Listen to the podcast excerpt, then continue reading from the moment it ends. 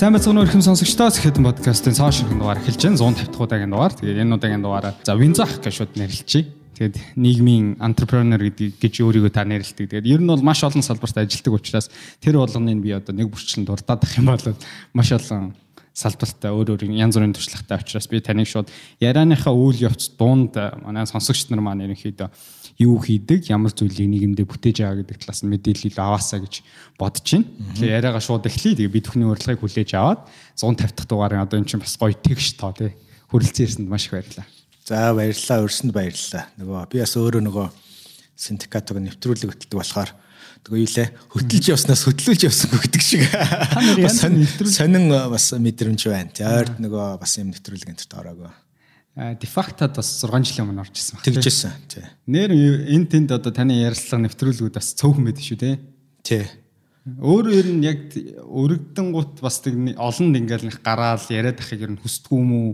Ер нь нэвтрүүлгүүдэд нэр та цөөхөн орд шүү те. Яагаад гэдэг юм бол?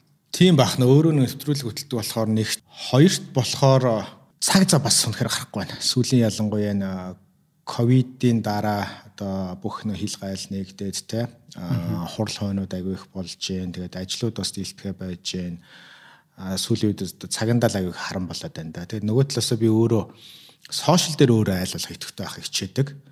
Заавал олон нийтэд нөгөө мэдээлэх хүргэх тийм зүйл байх юм бол тэрүүгээр яг шурха шурха пост мост бичиж явдаг учраас баг нэвтрүүлэгт ороод баг ярих юм байхгүй шахав те баг нөгөө өдөр тутмын юмаа баг тэгэл биччихдэг болохоор бас нэг тийм юм айхтар сонирхдаггүй шүү дээ. Аа.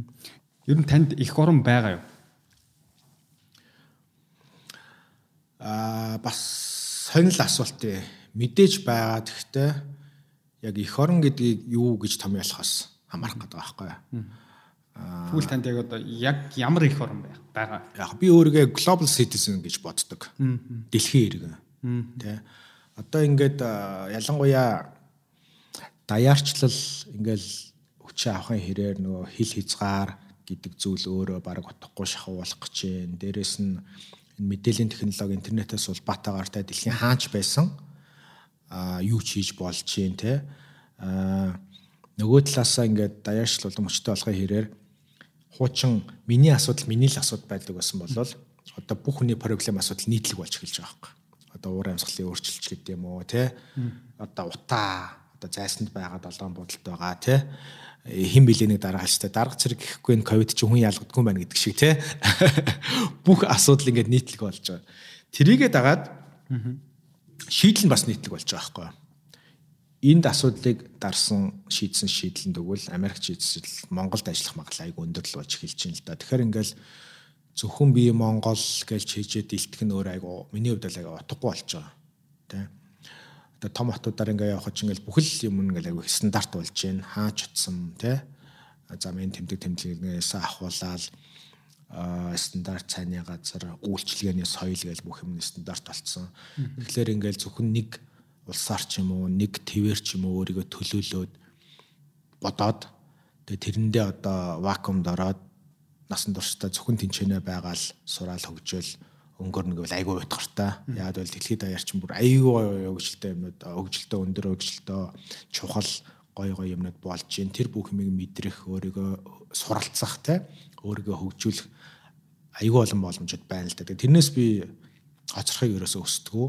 А дээрэс нь тэр сайхан гой шилдэг кейсүүдийг болж өгвөл Монголдо монгол залуучуудтай Монголынхаа нийгэмд авчираад те болохыг нийлүүлээд болохгүйг нь хаяад ингэж явахыг хүсдэг л дээ мэдээж Монгол эх орноо хайрлахгүй бахан аргагүй гоё. Тэгтээ бидний бахархдаг юм нь мэдээж ингээл газар нутаг сайхан байгаль ч гэдэм үүх дүүх гэдэг буюу бидний яг ингээ бодит оролцоогүйгээр бий болсон юмнууд байгаад байгаа байхгүй юу. Би юу гэж боддог вэ гэхээр бид нар өөрсдийнхөө легасиг бүтээх хэрэгтэй байхгүй өвийг.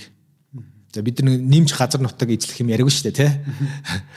Аа одоо бидний өв гэхээр бид нар юу хийж чадах энэ улс орныхоо төлөө contribution те бит болон бит бус. Кино баах юм уу?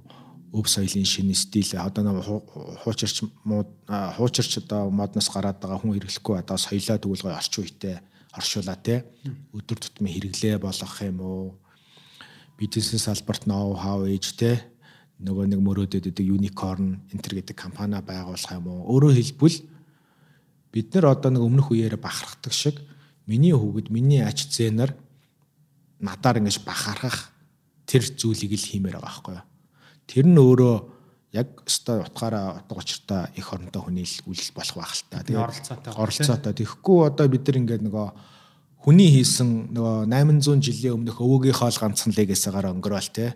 Жаахан багч нэг байрны нэг хүүхдүүдэд за чамайг аавдаа хэлэндэ гэл ингээл те. байдаг нойлал яадаг хүүхд чиг байгаад байгаа байхгүй. Тэгээд мэдээж нөгөө талдаа өв соёл үүхтүүхээ хүндлэлгүүл яг мэдэх стол байлгүй яг. Гэхдээ тэрүүгээрээ төрөө барьж бид нар хөгжих аим аргацах ясгүй байхгүй.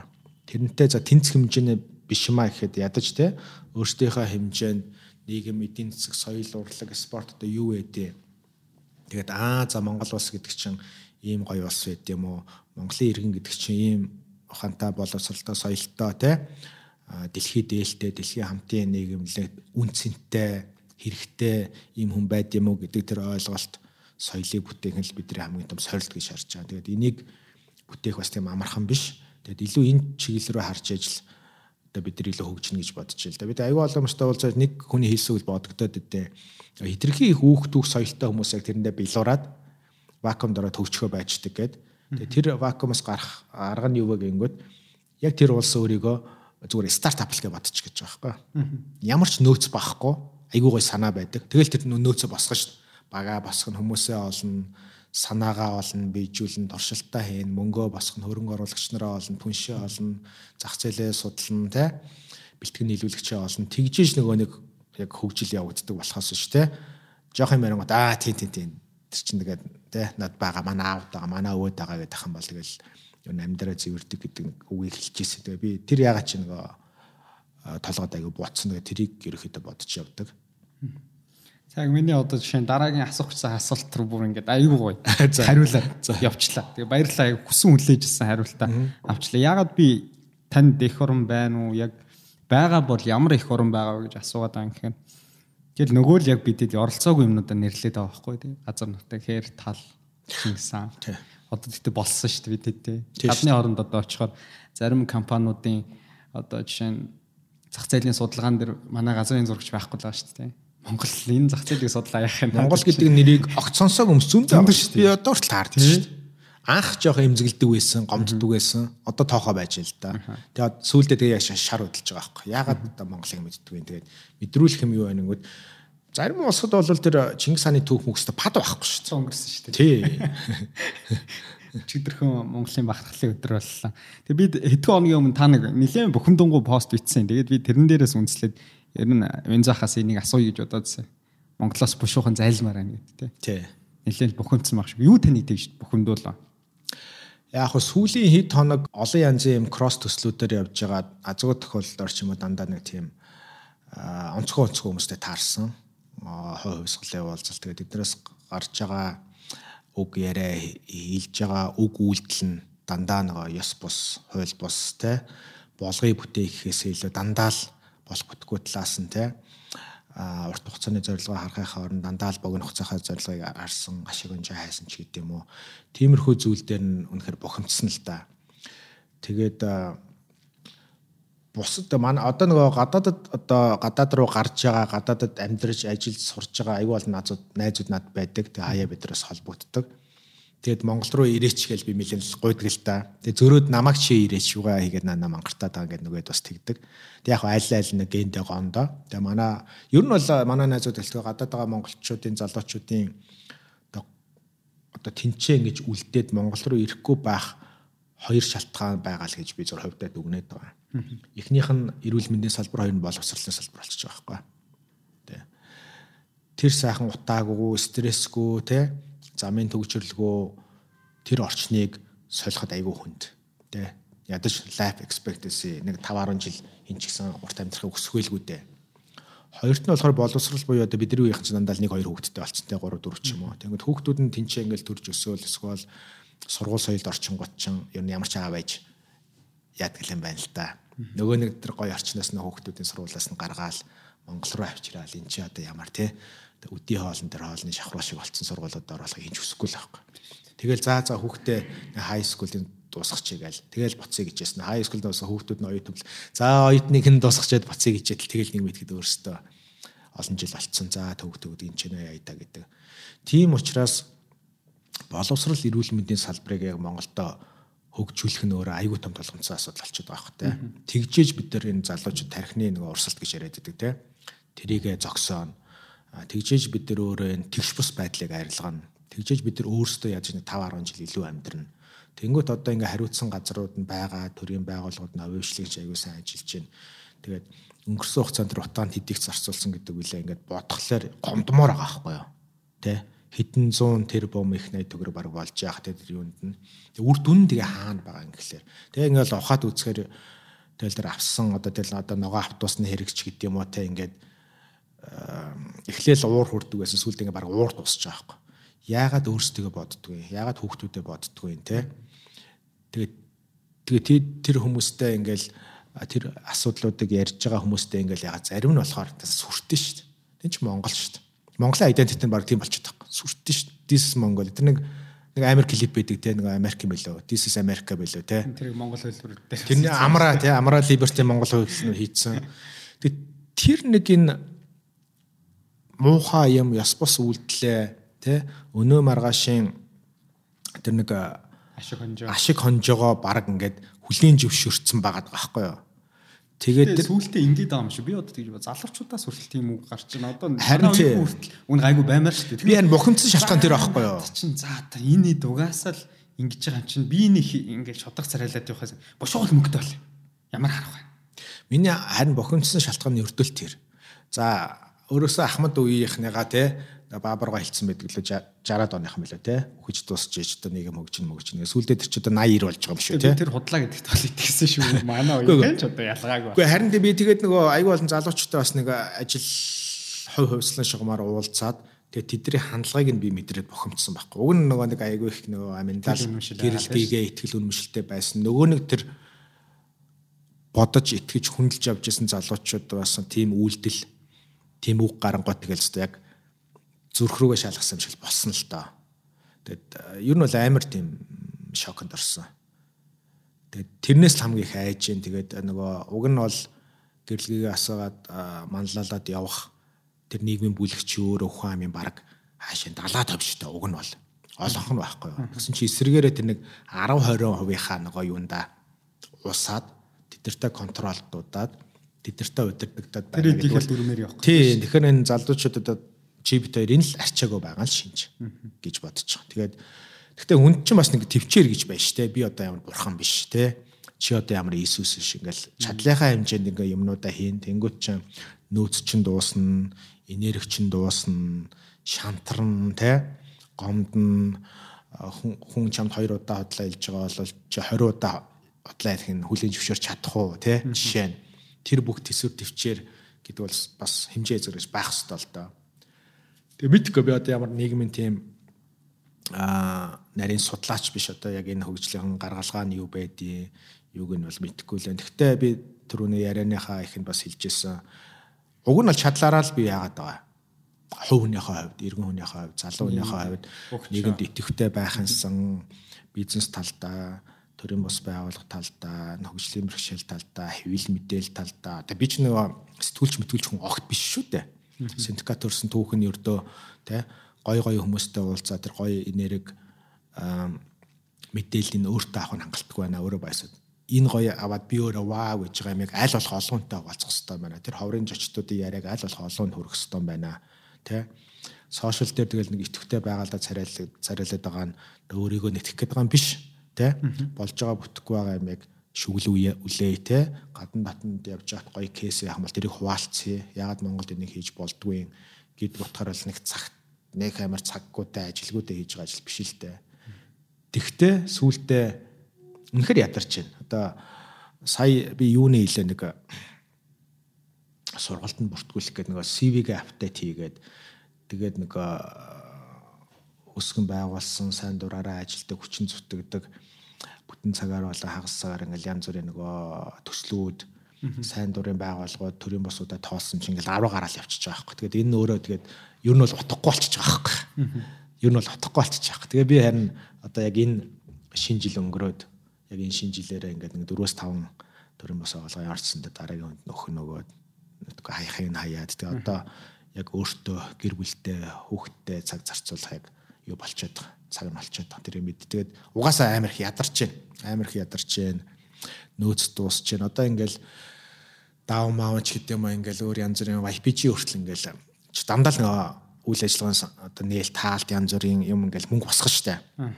Одоо мэдгүй надлаа одоо Монголд баг очиагүй спонсор хайж очиагүй компани хов хүн сайн ах их үлдээг байх. Одоо намаа арга өө нөгөө нэг ядаргаач дахиад нөгөө нэг э, өмнөх жилийн хөтөлбөрөнд басаад одоо дараагийнх нь эхлэхчээ баг ингээд залхаа зогтож эхэлж байгаа тэр юу мэдэрдээд байх надад. Тэгж тэгж хүнийг би ч өөрийгөө зовоогоод хүмүүсийг ч тэгж тухтай байдал, тухгүй байдал оруулах ёсгүйтэй. Тэгэхээр ингээд дараа дараагийн э, үе шат руугаа шилжээд магадгүй төрийн бас байгууллагын ажил зарчим өөр байх хэвээр social entrepreneur ч гэдэг юм уу enterprise байдалтай ч гэдэг юм уу шинэ фэйс шинэ баг гарч ирэх хэвээр илүү инноватив аргыг тэ инновацлог аргыг ашиглаж төрөмөс байгууллагын өдөр тутмын ажлыг хийх хэвээр тэ илүү бүтээлч байдлаар ажиллах хэвээр яг тэрнээс давсан юм би хийж чадахгүй гэдгээ хүлээн зөвшөөрч байгаа байхгүй юм чин гоё ээлж гэж байх хэвээр тэ тэгээ дараа дараагийн юуруугаа орё гэд тэрийг бол хатаа шийдсэн байгаа тэгээ CEO клубын ажиллаа өгсөн давны албаны тэргүүний ажиллаа өх өсөлттэй айл өнгөрсөн шинжилгээр өгсөн байгаа. Орны хүнээрээ томилогдоогүй байна. Өшөө 2 3 төрлийн бас байгууллагуудад ажлуудаа өгсөн. Одоо дахин сунгая гэвэл сунгахгүй гэдэг юутай байгаа. А тэгсэн чинь дундуур нэмээд 1 2 юмроо орцсон биш нэр бацсан нэмээд өө. Та яалчвал тэгэл нийгмийн нийгмийн л хөө юм. Энэ тий ер нь бол би өөрийгөө тэгж манай найзууч гэсэн аягүй тэгж томьёолж байгаа. Чи бизнесмен хүн бишээ гэд бүгд нэг шаалдаг байхгүй чи бизнесмен хүн биш байна гэдэг. Тэ. Ер нь бол би анх юу яриад байгаа гэж амар тэгдэг байсан. Одоо бодохоор ер нь бол тийм л юм бэл. Тэгэл хэсэг хугацаанд амарч байгаа л та нэг буцаад машин чинь машин хүртэл бензинээр өгдөг шиг хэсэг хугацаанд энерги нөхч чаад буцаад орох салбарлаа. Нийгэм рүү буцаад ороод ирэх бах та. Уг хүн тийм чинь би бол тэгж л бодчих. Уг хүн ийм зүйлийг ер нь бол дуртай болохоор л хийж байгаа шүү дээ. Би бол таны нэг ял айтай заавал хийх хэрэгтэй гэдэг утгаар биш. Харин ингэж харин явж байгаа нэг чиний наачаар настай гоё өнцөг баггүй юу? би бас айгүй олоо да өөрөөсөө асуусан байхгүй ч одоо тэнийг юм уу те тийм завтаа мó мөнгөтэй мó те хөргчөд үрэх мөнгөөрөө хүний хүүхдэд авчил хоол аваад өгч нэг чи өөрөө бас айгүй том сонголттой золиос шүү дээ те их нартаас нэлээд загнуулна те өөрийнхөө хүүхдэд юу зарцуулахгүйж худлаа авахантаа царайлаа тэр үгээр гал ингээл. Тэнгүүт зүгээр юу нэрэ ботсон аахгүй сериэсли нэрэ яагаад би чи ингээ те ихтгэл үнэмшилтэй ядрахгүй эцэц цоцохгүй ингээ яваад идэв гингүүд Нөгөө талдаа бас бизнесийн байгууллагууд ч би олон жил ажилласан. Одоо ч гэсэн бизнесийн байгууллагад ажилладаг. Бизнес ч өөрөө тав штэ тий. Сая ингээл ковид мовид айгүй хүнд үеийг давлаа. Дандаа тоо бодно хүнд дүнд хилцэл хийн тий. ажилтайгаа цалин цагтаа өгөнд бол татвараа төлөхийн тулд өдөр шөнөгүй ажиллана. Айгүй стресстэй нервтэй ажиллаж байгаа байхгүй юу? Одоо ер нь бол хавийн юм хийнэ гэдэг бол тий. Тэнгүүт нөгөө талдаа тэр цаг гаргаа тэр янз бүрийн арга хэмжээнд ороод өөрийн ирэхгүй дуртай ороод байна гэдгэн сүулт ингээ өөрийн анзаарангууд төрийн бус байгууллага сайн дурын ажил нь өөрөө миний яг тархины яг болчтой юм байна. Яг энэ депресстэй орчинд байж яг тэр нөгөө ажлуудаа хийнгүүт ерөөсөө тийм нөгөө стресс депресснээс салаад мөнгө төгөөрг илдэвдлээ те. Тэрээ хилцлийн хатуу хүнд нөхцөл бодохгүй. Яг нөгөө хүүхдүүд рүү чиглэсэн хараал нөгөө хэдий чин уйлж байгаа нээж байгаа зүйлийг хараал яг ингээд ингээд тархичи өөрөө ингээд чөлөөлөгдөж байгаа байхгүй амралт болчихж байгаа байхгүй. Тэгээ тэнцээ мэдхгүй нэг хагас өдөр зарцуулдаг ч юм уу эсвэл 7 хоногт нэг 3 4 цаг зарцуулаад буцаад нөгөө үндсэн ажил руу очиж байгаа. Тэр нь өөрөө намайг батарейгаар оруулна, ричарж гэдэг аахгүй, цэнэглээд байгаа аахгүй. Тэгэж би харсан. Тэгээд би бас аягүй олон залуучууд надаас асуугаад би бас хэлдэг юм нь өөрийнхөө тэр нөгөө стресс, депресс, ачаалттай үеийг давах тэр нэг юмыг олох хэрэгтэй юм байлээ. Тэр нь юу юм мэдэхгүй. Янз бүрийн байгаа шүү. Зарим нь спортоор хичээлж байгаа, ууланд явж байгаа, мэдхгүй тамхи татж байгаа, хаяа зуу татж байгаа, тий, караоке орж байгаа. Тэгээ яаж тэр өөрийгөө тэр юунасаа чөлөөлж тий. Энержи батарейгаа өөрийнхөө батарейгаа цэнгэлдээ. Тэрийг олох нь аягүй чухал юм байна. Миний хувьд болохоор яг энэ олон нийтийн ажил гэж би зүгээр өөрийгөө дүгнсэн байхгүй. Тэрнээс би ингээл янз бүр болохоор жими моралс дуул мөр алгуулж чаддгүй. Яг тэрүүгээрээ л ричарж хийгээд идэм болоо гэж би өөрийгөө дүгнсэн.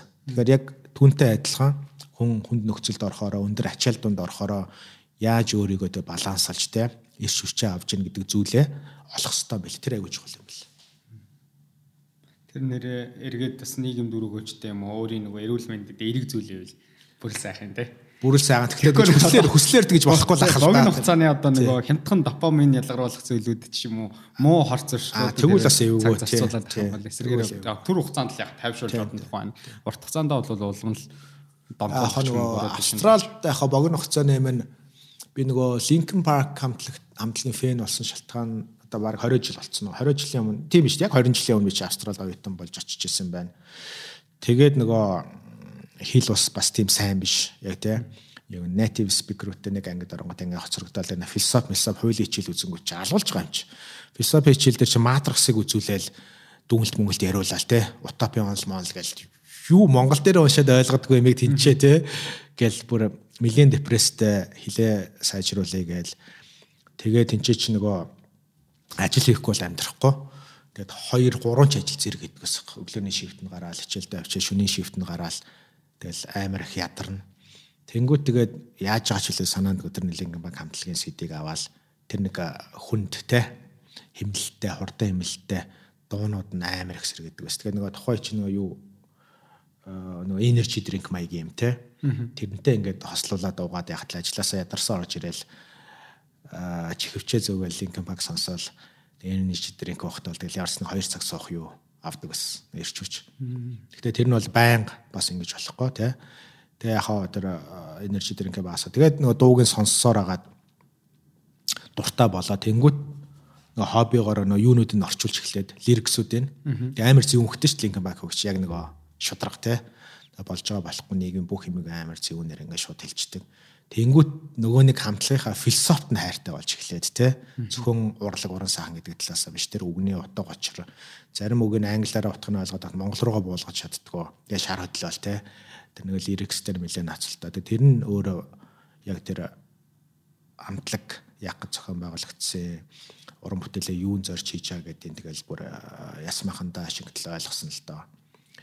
Тэгээд сая хэдэн жилийн өмнө Честер амиа орлоход бол би бол боож өгөхөөр шахсан. Тэ тэр том леженд тэр том нийгмийн энэ харанхуу түнэр харанхууг зөрөгтэй хэлж тэ зад татчихсан уран бүтээлч Тэгээ яг тэр түүх мүгээс сонсоод дахиад тэр ачаал байгаа аахгүй те. Нөгөө нэг тэр нөгөө уран бүтээлийн ачаал тэр фэнүүдийн дарамт одоо юу гэдэг мэдэхгүй.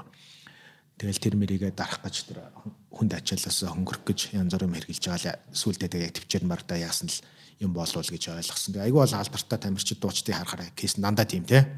Яг тэр нөгөө том нийгмийн дарамтыг яг тисч чадахгүй болол яагаад тах шиг байлаа л та. Тэгэнгүүт тэр од хүн тийм хүний амьдрал чинь тэгэл тэр олон 100 мянга аялал тоглолтыг бол хувийн амьдрал нь яг авна болж байгаа байхгүй. Хувийн амьдрал гэдэг зүйл байхгүй те. Эхнэр хөөхөд 50 суух ерөөсөө юм байхгүй. Тэгэл юунд орд юм шиг. Тэгж л харсан штэ. Тий. Нэг буруу юм ихтэлтэй нийгмээр тий тий нас соногддог дэвс. Тий харин тий. Яг өнө харин. Солонгочууд бол бүр айхдаг штэ. Харин тий. Тэгэхээр тэр чинь өөрөө тийм өсөд байх амьдрал биш юм шиг байна л да. Тэр нь олны юм. Би нэг подкастер зочин ураад тэр ах надад тэгж хэлсэн нэлээ бас 50 нэлээ гарцсан. Оо ах нь энэ тентхийн нэвтрүүлгээр орж тийм худлаа үний юм яриад байдаг хүн биш ээ. Тэгээд нин үг хэлэхэд олонний өмнө гарна гэдэг бол зүгээр би хувийн орон зайгаа худалдаж байгаагаас ямар ч ялгаа байхгүй. Би бол анханасаа л ярьдаг байсан. Наа гэр бүлч нууц энэ надад амар. Нэг гарчгал юм бол тэгэл би худалчдаг. Асар том золиосоо би ингэж чаа. Оо наа чин тийм штэ гэл нийгэм тэр чигтээ мэдчихдэг. Дараа нь тэгэл алдаа гарах юм бол нийгэм бол бөөнөрөө дэвсэлдэг гэдэг. Яг хоо public figure opinion leader гэж байдаг те. Тэр хүмүүсийн хувьд бас тэгэл ийм тодорхой хэмжээний золиос гарах ёстой юм шиг байна л гэж би хардаг л да. Яг бол тэд нар чи өөрсдөө нийгмийн түүчнүүд байгаа байхгүй юу? А иймэрхүү нийгмийн фигурүүд, лидерүүд яадаг гэхээр нөгөө дүүийн баялаар нэг лөөнөн бая дүүийн гэдэг шиг тийм өөрсдөө үлгэрлжээж араасаа хүмүүсийг урайлан дуудаж ингэж явдаг яг тэр мэс зүсгч нар тийм байгаад байгаа байхгүй а тэгэхгүй чи ингээчтэй тэгээчтэй тэгчдэг байхгүй юу гэж ямарч үйлчлэл хийхгүй суугаад ах юм бол өөрөө тэр яриад байгаа асуудлынхаа шийдэл нь биш. Харин бүр асуудлынхаа уг тий язгуур нь болох гээд байдаг. Тэгээд ялангуяа хөгжиж байгаа улсуудын нийгэмд ч юм уу одоо ярьдаг, хилдэг, шүүмжилдэг хүмүүс ихээсээ илүүтэйгээр шүүмжлийг үл юу хин шүүмжилж чадна шүү дээ. Засгийг шүүмжилж чадна, нэг нэгээ шүүмжилж чадна. А болж бүтэхгүй байгаа юмыг тэгвэл чи болгож бүтээхийн төлөө ядаж өөрийнхөө зүгээс ямар commitment, ямар contribution хийсэн ядаж ганц удаа гингүүт тэр асуудлаараа өөрөө үлгэрлж амбассадор нь болж нийгэмд гарч ирж ээж л нэг тодорхой хэмжээний тий тэр advocacy буюу одоо олон нийтийн соён гээгэрүүлэх нөлөөлөх эрэг тараад нөлөөлөх юм болоод тах шиг юм л да. Тэгэхгүй тэгээд яг хэд хувийн амьдралаа мэдээж тэр хувийн эрхчлөө эрхчлөө тий бүх юм байх нь аргагүй. Тэгэл хувийн сонголт л байх л та. Тэгээ silent байгаал quiet peaceful байх нэг хэрэг тэгээд Тэгээ нэг хүн саяланд байгаад тэр хүний одоо гэр бүл нь үнэхээр яг тэрнтэй адилхан тийм саяланд байгаа л өөр хэрэг. Гэхдээ миний хувьд бол одоо ингээл энэ сая ингээд зам дээр хідэн ч хөөхөд дайруулж нас оров тий. Утааны асуудал гэж бисаа өчигдөр жишээ нь уржигдөр өнгөрсөн лоногт илүү нөгөө ЮНИСЕФ-ийн даргатай ярилцлага байсан. Агаарын бохирдол тэр хэрэг өвчин ундны усны асуудал гэж Монголд ингээд амар амар асуудал байгаа байхгүй тий. Халдварт өвчин өвчнээ гээд тэгээд энэ асуудлуудыг мэдсээр байж ээж те ямар ч үйлдэл хийхгүй оо би амар тийм чимээгүй миний privacy чухал мохол гэд бодож байгаа бол бас боломжтой хүн болвол тэгж бодож байгаа бол миний явж байгаа хайр л. Тэр чи өөрөө нөгөө ямар нэгэн үйлдэл хийлээ гэхэд ирээдүйдээ буюу хүүхдүүдтэй хийж байгаа хөрөнгө оруулалт гэж би ойлгож шаарддаг л та тэрний төлөө ингээд ажиллахыг хичээдэг. Тэгэхээр мэдээж хувь хүний сонголт гэхдээ нөгөө талдаа хэрвээ нийгэмдээ жоохон нөлөөлөе гэвэл тодорхой хэмжээний ийм хэмжээний золиос их аргагүй л биш л өөр бол арга байхгүй. Тэгэл одоо улс төрч болно ч гэдэг юм уу тэр инфлюенсер болно ч гэдэг юм тэр чинь тэгэл ямар нэгэн байдлаар л нэр хүнд ажил мэрэгжил те магадгүй тэр мундаг хүмүүс гадна дотны том байгууллагад хэдэн мянган долларын салентай ажил боломж нь байж л байгаа шүү дээ. Хайж яваал те. Тэрийгэ золиослоод төрлөө орж ин тэрийгэ золиослоод төрийн бос байгууллага ажиллуулж гин гэдэг болвол тэгэл нөгөө талаараа бас тэр үнэхээр тэр зорилго нь интеншн үнэн л болол зөв л болол үнэхээр бид хүндлэх хэрэгтэй байхгүй тий. Гэхдээ яг тэр зөв зорилгоор явж байгаа хүмүүс нь яг хэд байгааг нь мэдэхгүй л айл та. Тэгээ ярьж байгаа хэлж байгаа гаас эсрэг үйлдэл хийж байгаа олон залуучууд гарч ирээд тэгээ нөө залуучуудын нэр хүндээ унгаагаад ирээдүйдээ итгэх итгэлээ өөртөө үгүй хийгээл байгаа нь аюу харамсалтай л байгаа. Өөртөө үнэн шахтлаар та харж байна тий. Тий. Тэгэхээр нэг сард таны яриаг сонсож хахад өөртөө үнэнч байж чадахгүй бол энэ бүтээлч сэтгэлгээний талаар бол чи баг яриад чирэггүй гэдэг талаар нэг ярьжсэн. Тэр энэ хоёр маань хоорондоо ерөнхийдөө яаж хоорондоо уялдаа холбоотой болоод байна. Өөртөө үнэнч байх, хоёрдугаар бүтээлч сэтгэлгээ. Нэг таныг тайлбарлаад өгч манай сонсогч нар. Одоо яг сүүлийн үед бас ингээд айгу тийм authentic leadership, authenticity гэж айгу яриад штэ. Бодит бай, жинхэнэ бай, байгаагаараа бай гэд. Тэр нь юу гэсэн үгээр би ойлгохдоо айгүй олон хүмүүс нөгөө өмнөө байгаа асуудлаасаа зүхтдэг тойроод яваад асуудлаа барьж авдаг. За за энэ тийм байгаа. Одоо юу гэдэг энэ би усаа угаад болсон байлаа гэд би за тал дундуур байна гэж бодоод худлаа өөрийгөө тайвшруулаад яваад. Хизээч энэ усыг дүүрэхийн төлөө үйлдэл хийдэг. Энэ бол өөрийгөө хуурч ангил нэг хэрэг байхгүй тий. Бид нар асуудалтайгаа тулахгүй бол бид нар хизээч шийдэл олохгүй. Шийдэл олохгүй бид нар угаасаа хизээч хөгжихгүй. Тэгээ тэр нь өөрөө үнэн байл гэсэн үг. Одоо хамгийн зур энгийнээр хэлвэл а миний хувьд өөрийнхөө сул талыг хүлэн зөвшөөрөхөөр аюу том аюу том ялт байхгүй. Өөрийнхөө сул талыг. Ялт тий. Зүүн мөрний ялалт. Баруун мөрний ялт гэхэд бусдын давуу талыг хүлэн зөвшөөрөх сурах хэрэгтэй. За энэ тий тайван одоо надаас үнэхээр за англи хэлээр үнэхээр давуу тий. Би одоо англи хэл сурах гэж энтэй 1 2 жил зарцуул жиснийхаа оронд тэрийг нь хүлэн зөвшөөрөөл нөхөр англи хэлнийхаа тэр орчуул морчулгаа хийг мэдхгүй би одоо тэр инженер менежерээс сэтгүүлчэл хий тэ гэдэг байдлаар. А нөгөө талаараа бас өөрийнхөө сул талыг хүлэн зөвшөөрөх гэдэг нь миний төрөний хэлдгээр хэл усны мэдлэгч гэдэг юм уу одоо юу гэдэг юм мэрэгжил боловсролч гэдэг юм уу тэр сул талдаа жинкнээсээ хүн өөрөө өөртөө хүлэн зөвшөөрчихлөөр тэрийгэ хөгжүүлэх гэдэг яг комити гэдэг эхэлдэг За би одоо ингээд нэг гадаадад магистрийн зэрэггүй л явахгүй юм байна тий. Одоо бусад үеийн залуучууд тасраа явчлаач гэдэг юм уу жишээ ингээд бодож байгаа бол. За заавал тэр юундаа сурах хэвээр тэгжээж бид нар ингээд дэлхийн хэмжээний боловсролизм шишээд миний эх 10 20 жилийн карьер сайхан явах юм байна гэд нөгөө хүмүүс маань өөрийнхөө сул талыг хүлээн зөвшөөрчих юм бол яг цаг гаргаад нөгөөдөг чинь хадгаламжаа хоримтлуулад IELTS TOEFL-тэй бэлдэж эхэлнэ тий тэтгэлгийн дөрөө хөөцөлдөж эхэлнэ. Өөрөөр хэлбэл энэ чинь өөрөө ингээд процессын дунд ингээд тэр эцсийн зорилгонд тэр нэг сургуулийн грант ч юм уу эсвэл offer letter авах гэж байгаа юм шиг мөртлөө тэр хоорондоо нөгөө ч өөрийгөө хөгжүүлээд байгаа байхгүй. Эсээ яаж бичих юм, CV-гээ яаж зөв бичих юм те pitch яаж хийх юм, тэтгэлэг яаж олох юм тэр хооронд ч айгүй олон тэр бүтээл чадварууд нөссөн өсөөгөө хөгжөөд те хил усан сайжраад явж байгаа. Тэгээ энийгээ бас айгүй олон хүмүүс анзаардаг юм шиг тэр хүн зураа. Тэгээ дараа нь тэр нь өөрөө ингээд яг бодтой ассет болоод ингээд хөрөнгө болоод үлдээд идэг. Өөрт нь бит болон бит бас хөрөнгө болоод үлдээд идэг. Энэ эсрэг айгүй олон хүмүүс байдаг байхгүй өөрийгөө өөрөө хүлэн. Тэнгүүтээ тэрийг нь одоо бидний нэг сошиал дээр комплекстай гэдэг чинь те. Комплекстай хүмүүс. Тэр өөрийнхөө сул талыг хүлэн зөвшөөрч чаддаг. Тэ. Хизээ юм бийсэн. Бусдын даваа талыг хүлэн зөвшөөрч чаддаг.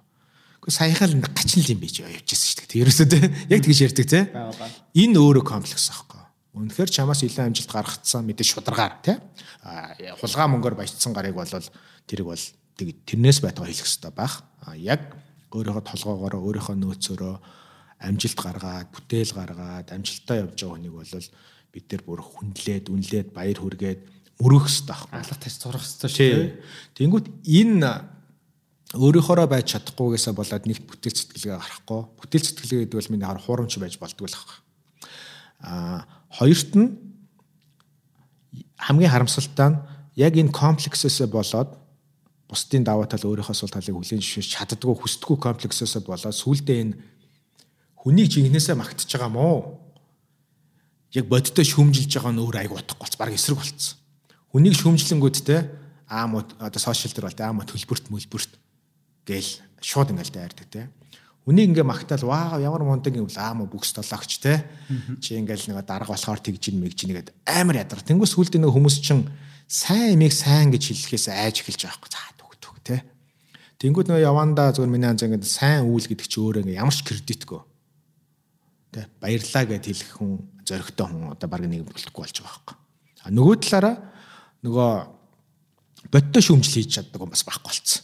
За шүүмжилж эхлээр энэ надаа тий янз бүрээр дуудаад унна. Эсвэл дараа намаа мэдчих юм бол мэдхгүй ажил мажил дээр хайхан майхан ч гэдэг юм ингээд нэг хөгийн сэтгэлгэнээсээ болоод яг тэр нэг антон сити гэдэг зүйл чигээр утга алдчих байгаа байхгүй. Энэ л айгүй харамсалтай байгаа. Тэгээд хин нэм самбууга авч илүү нэг дээр хэлсэн байдэн шүү дээ. Сонгол Монгол гэл гисэн чинь. Уг нь ингээл төр зэсэг сонгочоо хүмүүс ингээл хамаг шилдэгүүдээс нь уралдуулж аваад сонгодог баймаар. Бид нар тэгсэн чинь хоёр муугийн арай гайгүй муугийн сонгодог болчлоо доо гэд. Энэ бас амар үг байхгүй. Шилдэгүүдийг сонгож өөрсдийнхөө эрхийг бариулах биш. Хамгийн муунуудаас нь арай гайгүй муугийн. Тэгээ тэрнээсээ болоод одоо ингээд улс төр гэдэг чинь өөрөө ингээд хамгийн хогийн салбар болчихлоо шүү дээ улс төрд орно намын гишүүн болно гэнд баг ингээд тоногоо болчих тэ одоо залуучдын дунд тэ? Хуу па чи намын гишүүн үү? Тийш болчих ш тэгээ тэнгуут нөгөө чин ичээд нэрлэхэд тэ? Нам дэлсэж хамтдаа улсаа хөгжүүлээ ингээ тгий гэдэг санаачлага дээр зүгээр л режект байгаа. Түүх түүх оногоо оногоо юу намын гишүүн тэ? Юу хүн нам юу ан ман юу ман нам гэл ингээл. Тэр чи өөрөө ингээд амар тийм балиар нөгөө иммун системийг үүсгэж байгаа анти иммун системийг тэ? Тэгт тусам нөгөө тэнд байгаа нэг балиар хідэн гараач улам ашигтай болж байгаа юм. Өрсөлдөөн байхгүй. Өрсөлдөөн байхгүй болж байгаа юм тий. Тэгэд энийг бид нар бас том зургаараа харах ёстой юм шиг ба. За мэдээж тэн дунд нь өстой жингнээсээ цүнх барьдаг бүкс толоодаг залуучууд байгаа. Тэрийгэ бид нар нөгөө нэг бодит жинхэнэ залуучуудаас ялгаж салгадаг тий мэдээллийг олон их усрээс авдаг өөрийн өөрийнхөө хэмжээнд анализ дүгнэлт хийдэг давхар референс чек хийдэг бэкграундын судалдаг тий ядаж хүний үн шууд итгэхгүй тий одоо анзаа чинь мөнгө идсэн юм уу гэд надаас ирээ зөрөгтэй асууж тэгэхгүй ингээ худлаа тий сошиал медиагийн комент момент итгээд хүнийг шууд дүгндгүү тийм нэг үйлдэл хийх зөрөгтөл баймаар байгаа юм л тий тэгэхгүй ерөөсөө хүнтэй тулж харьцахгүй мөртлөө ян зүрээр тэр хуурамч муурамч юмд ямар ч их итгэдیں۔ Тэрнээсээ болж бие биенийг ямар ч их гомдоодیں۔ Тэ? Зүгээр ирээд уулзчих юм энэ дээр одоо юу нь болдгүй мэдхгүй. Тэгээд энэ өөрөө тэгэл дахиад иргэний боловсрал иргэний ир зориг л асуудал байгаа байхгүй. Одоо тэгээд тийм хүмүүстэй итгээд явж ивэл тэгэл юу лээ дуус туслахгүй. Тэгэл дуусахгүй тий. Ер нь бид нэр асар тийм хулчгар болсон юм шүү. Гэхдээ яг юунаас болж монголчууд бид нар одоо дээр үед бол чин зөрөх дөрөх тэгэл гоё үгүүд байдаг шүү дээ. Одоо бол одоогийн нийгэм бол нар асар их хулчгар болсон юм шиг надад санагдсан.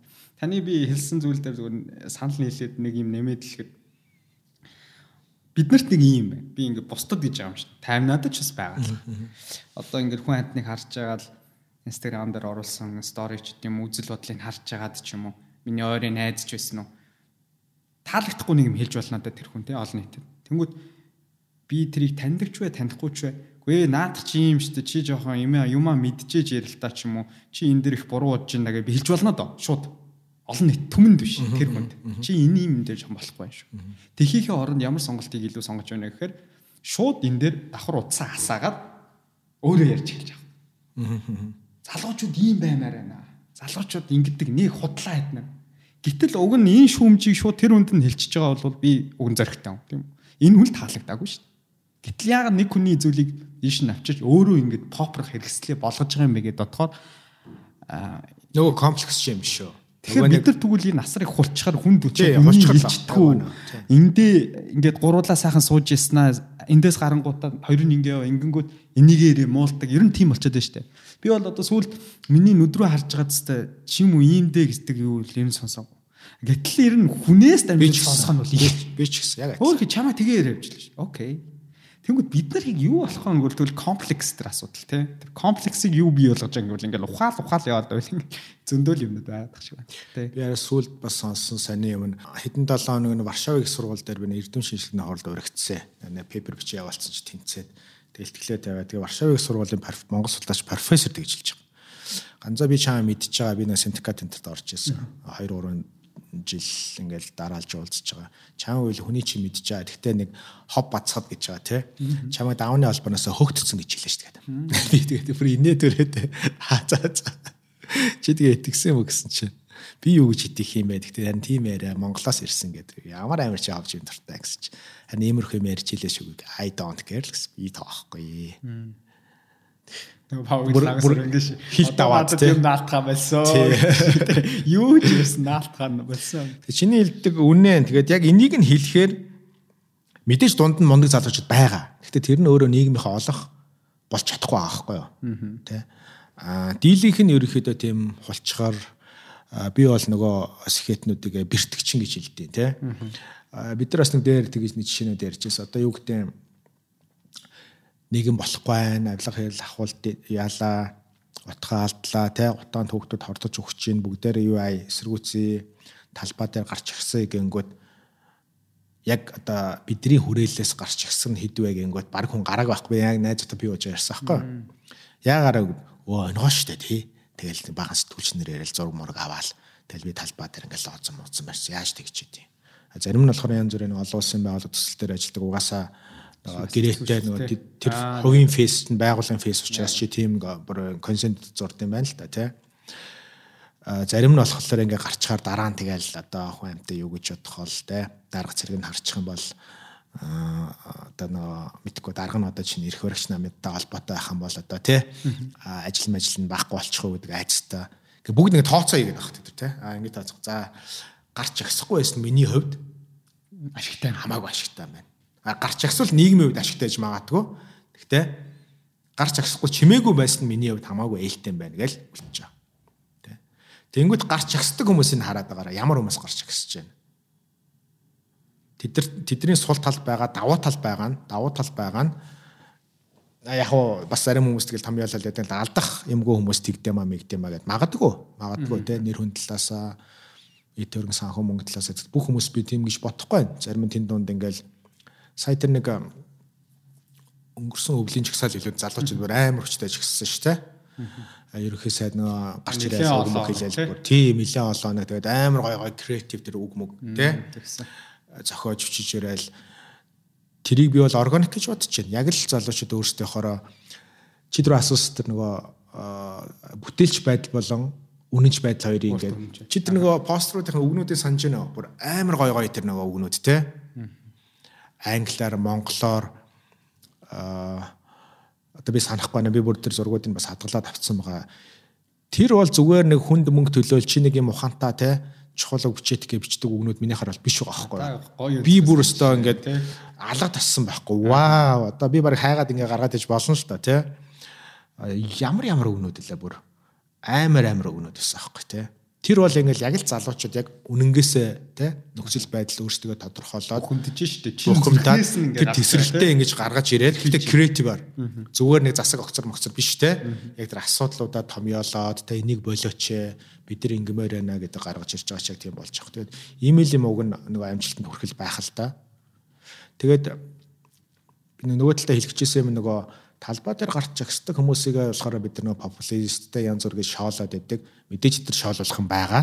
Тэгээ ингээл мэдгүй өндөр боловсралтай 3 4 хилтэй олон улсын байгууллагад өндөр цалинтай хүмүүстэй харьцуулахад тэд нар дээр бол сул тал байгаа.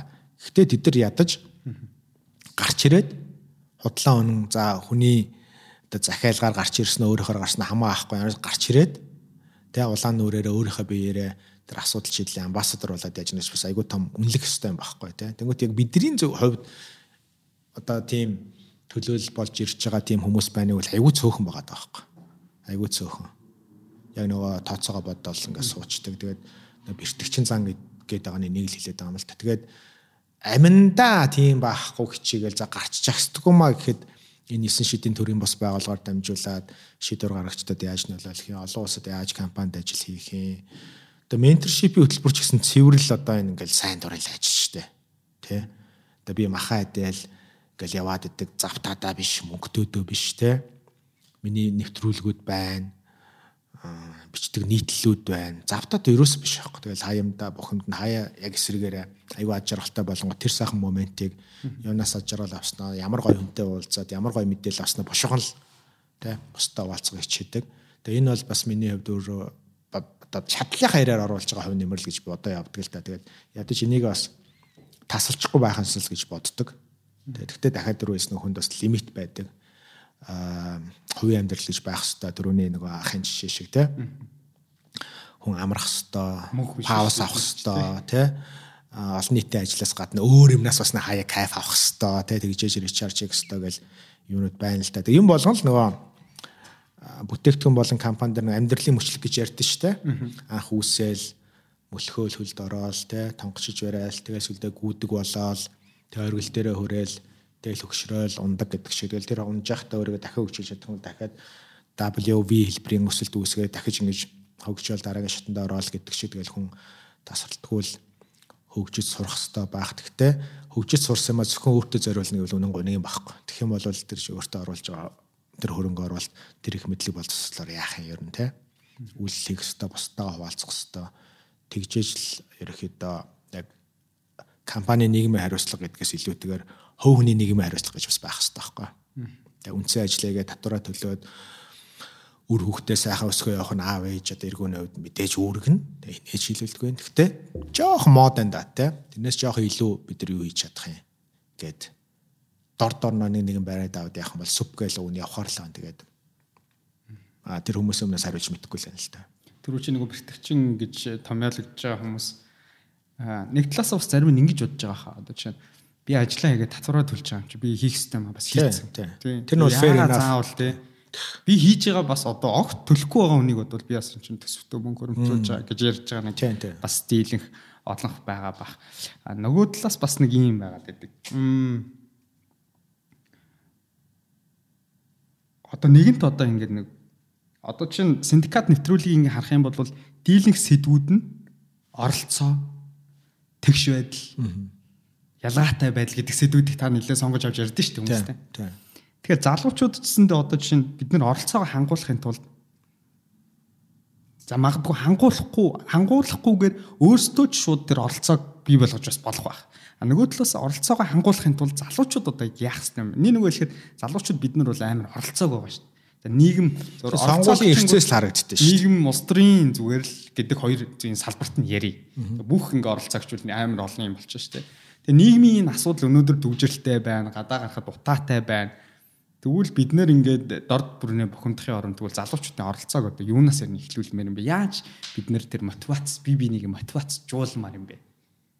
Одоо ингэ өвөл дуусгаад мартахгүй байна. Тий, хүмүүсийн өмнөөс бол хэлж мэдэхгүй байна. Аа оролцоог яаж идэвхжүүлэх вэ гэхлээр яг одоо эхний юун дээр ихлэ хариулъя л да нөгөө ажиллаа хийгээд цагтаа ажиллаа чанартай хийгээд бүтээнчтэй хийгээд цалингаа аваад тэрнээсээ татвараа цаг тухайд нь төлж байгаа нь үнэхээр тэр үний хамгийн том оролцоо мөн мөн Тэ тэгж яхад яахлаарэ тэрнээс илүү надад өсөд байгаа юм бэ гэж шаардах нь зөв тэр үний эрх.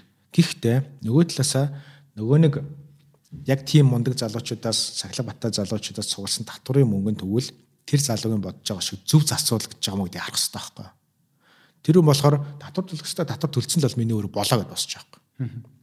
Аа магадгүй оролцоотой иргэний хувьд чиний асуусан аргасан яг миний татврын мөнгө тий цуглах газраас цуглагдаад нөгөө төсөн мөсвийнхаа дагуу зарцуулах хэрэгтэй юмдаа зарцуулагдж гинэ гэдэг дээр хяналт авах хэрэгтэй байхгүй. А тэрэн дундаас нь тэр нэг дарга зэрэг хулгай хийж идэж гинэ үү? Авилгаар нөгөө нэг чиний өстой зовж олсон мөнгө чинь тэнцээ нэг нөхөр те бенз аваад унж гинэ үү?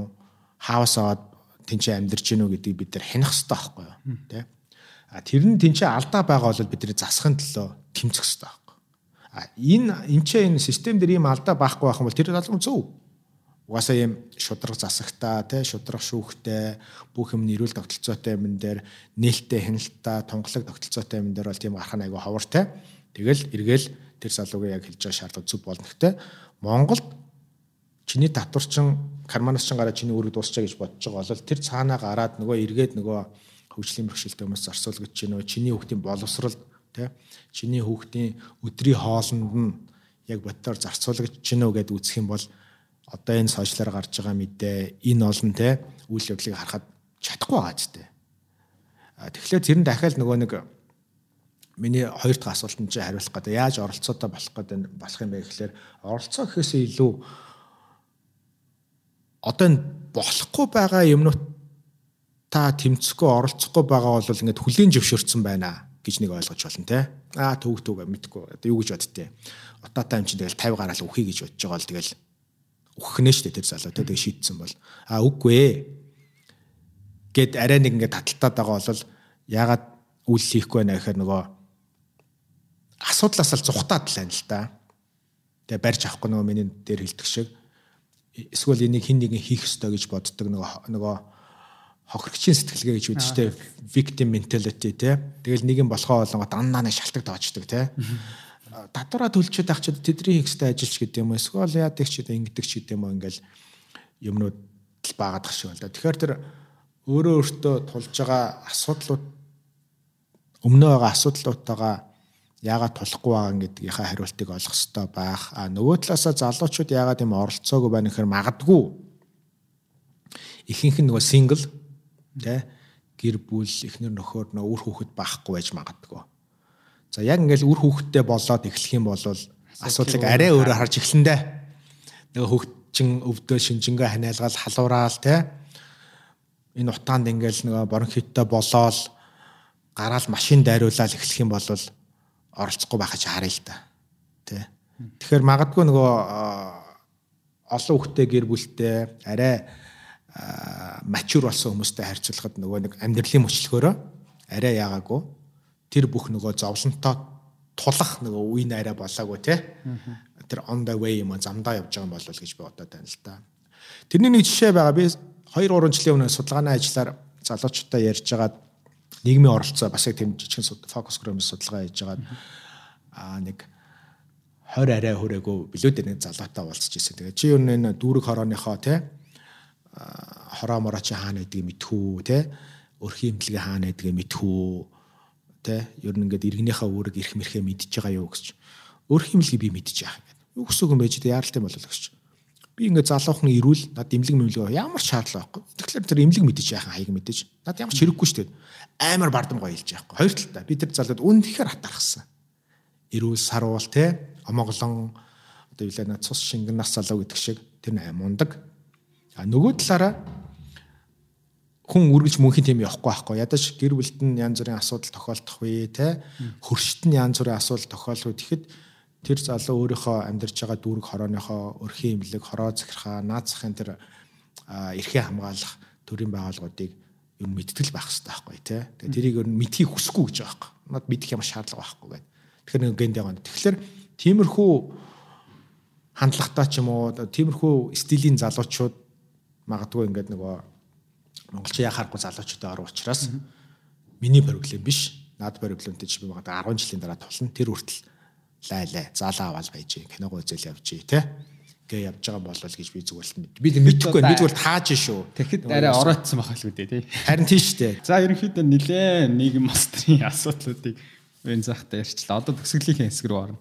Өнөөдрийн бас ярианы гол хэсэг менторшип хөтөлбөр залуу мэрэгчлүүдийн холбоог олон улсын байгууллага тий. Тий. А санаачлага санаа нь бол тэнцэнээс гарсан. Тийм. Тэгээд яг энэ цаг үед одоо жил болгон зохион байгуулах байгуулагддаг одоо менторшипийн хөтөлбөр албасаар зарлагдсан байна. Тэгэхээр ер нь менторшипийн хөтөлбөр ямар давуу талыг залуучуудад дөнгөж өөрийн карьераа эхлүүлж байгаа бид нар шиг залуучуудад ямар давуу талыг өгдөө манай залуучуудад та тавчхан мэдээлэл өгч сүүлийн хэдэн жил одоо та хэдэн ментитэй болов Одоо эн чинь 8 дахь оны 9 дэх жилдээ зарлагдж байгаа хаа. Бараг 10 жил бол. Таглаас нь явсан уу? Тэгсэн үүсгэн байгуулагч. Э, үүсгэн байгуулсан түүхийн ярихад л яг чиний бүх асуултанд хариулчих байх гэж бодож байна. Э, Аа 2014 онд билүү дээ би нөгөө дэлхийн эдийн засгийн форумын Young Global Leader-ээр Монголоос шалгарсан. Тэгээд э, маш том community дээр бол анх сүрдээл те.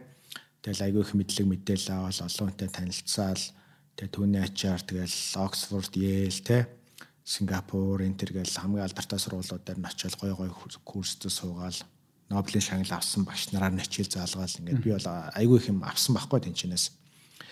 Тэгээд одоо 8 жилийн өмнөхөр чи донд гэсэн үг юм. 2000 тэд орчим жилд онд те 8 жилийн өмнө одоо YJ-лэхээр одоо Монголоос нэг 10-аад залуучууд байна. Тухайн ичний 5 6 залуучууд байсан. Тэгээд нэлээд тийм лид хийдэг нь одоо ч гэсэн хийж байгаа нэг хасын гавь захирал. Тэгээ бид нар ярьж байгаа тэр чинь нэгт хөлөө хоёр дахь нь үлээ Монгол Mongolia Learning Journey гэж зохион байгуулъя. Нөгөө нэг тэр мундаг зундаг лаг залуучуудыг Монголдо авчираад Монголоос сурчлаа, Монголоо таниулъя те. А хөрөнгө оруулалт татъя. Улс төр урлаг соёлын тэр гоё экспириенсийг сурч авъя те. Хоорондоо туршлага хуваалцъя гээд тэгээд нэг жил болгон 100 биш өвөл нэг сард нөгөө Швейцарын Давост Давосын чуулган болдог те дэлхийн төсвийн форум. Тэнгүүтээ жил болгоныхаа зун нь 6 сарын сүүлээр болцсон. Зуны Давос гэдэгт болдог байхгүй? Тэр нь Танжин, Дайлан хотуудад ээлжиж болтой. Тэгээ тэр нь болохоор нөгөө Монголтой тэгтээ тэр нь илүү нөгөө илүү технологи суурьтай тий илүү тек тал руу бизнес энтерпренер тал руу Давосыг болохоор би Давос очиж үзег байгаа. Тэгээ Давос болохоор миний ойлголтоор бол илүү эдийн засаг те геополитик улс төр тал руугаа ингээ байдаг. Тэгээ би бол Тэнжин Дайлан л мэлээд очиж исэн. Тэгээд Монголтой ойрхон. Тэгэл бүх нөгөө крафт чинь тэнд цуглаж байгаа учраас те одоо юунд шалгарсан бүхэл мундаг хүмүүс тийм том том компаниуд бүгд очин те. Тэнгүүт нь нөгөө дэлхийн эдийн засгийн форум дээр санал гаргаад нэгэн тийм ойрхон байгаа юм чи бараг цаг хүрхгүй нэсэл Улаанбаатарт буучин те. Тэнжин дайланаас тэгэхээр ингээ Монголыгаа танилцуулъя гээд тэгээ 3 4 удаагийн тийм аялал хийсэн баха. Тэгээд 8 жилийн өмнө буюу тэр чи одоо эхнийх нь хоёр дахь нь бас нэг 20 30 залуучуудыг дэлхийн зүгээрээс ирсэн мундаг залуучуудыг цуглуулж авчираад бид нар Монголоо танилцуулаад хордлого хийгээ залуучуудтай уулзуулаад бодлого тодорхойлогчтой уулзуулаад ингэж явж байгаад бидний Чингисийн хүрээнд илүү дээ. Тэгээ нэг орой сайхан парти даад те. Аа Монголынхаа аял маялаа дүгнээд ингээд байж байгаад тэгээ нэг тоостны л нэг юм явсан санаж байна. Тэгээд одоо чи ингээд YG л болоо хэдэн жил болоо те бид нар хоорондоо нөө тейк away-гээ ярилцахгүй юу? Гэр дотор тойрч сууж байгаа л яг юу юу аав те яг value ч яг ямар valuable зүйлийг чи мэдэр сурч ин community-с аваад хүн болгоод ирэг яриад би ингэсэн тэгсэн сте гоё яасан байсан гэд.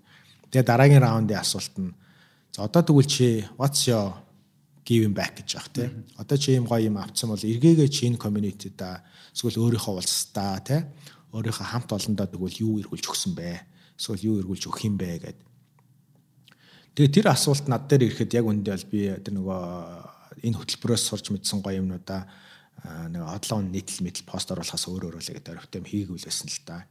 Тэгээ тэр үед би айгүй хитсэн байхгүй. Тэгээ тэр юу хөтөлбөрүүд нь яг хаа өрсөлдөөний үндсэн дээр SMS бичээс сонгон шалгаруулалтаар явдаг хэдий ч бүх зардал мөнгөийг нь тухайн сургууль дэлхийн эдийн засгийн форум даадаг. Тэрийг одоо ингээд яг commercial price-аар нь яг бол мэдгүй хэдэн мянган долларын те үнэтэй яг энэ тэтгэлэг грантуудыг ингээд би авцсан л байгаа байхгүй те. Тэгээд ерөөхдөө айгүй хитсэн л дээ. Тэгээд тэгээд тийм байхгүй. Гэхдээ юм хиймээр байна гэх тэгвэл юу хийж болох вэ? Хэдүүлээ ярилцъя гэж манай тэр нэг Америкийн YGL, Сингапурын YGL энэ төр ярьж хагаад гол асуудал тэгвэл хийж болох юм юу байна гэнгүүт хамгийн түрүүнд л нөгөө залуучууд руу шигэлсэн юм л хийх ёстой гэдэг санаа орж ирсэн л да. Тэгээ менторшип хөтөлбөр гэж яриад гисэн чинь Young Professional program гэдэг групп гэдэг Америкаас үсээд тэгээд Сингапур, баг Ази 10-аад улсад салбартаа чаптартаа тийм алба байгаа. Энийний тэгвэл чи Монголыг нэччихээ. Монгол салбарыг нь те.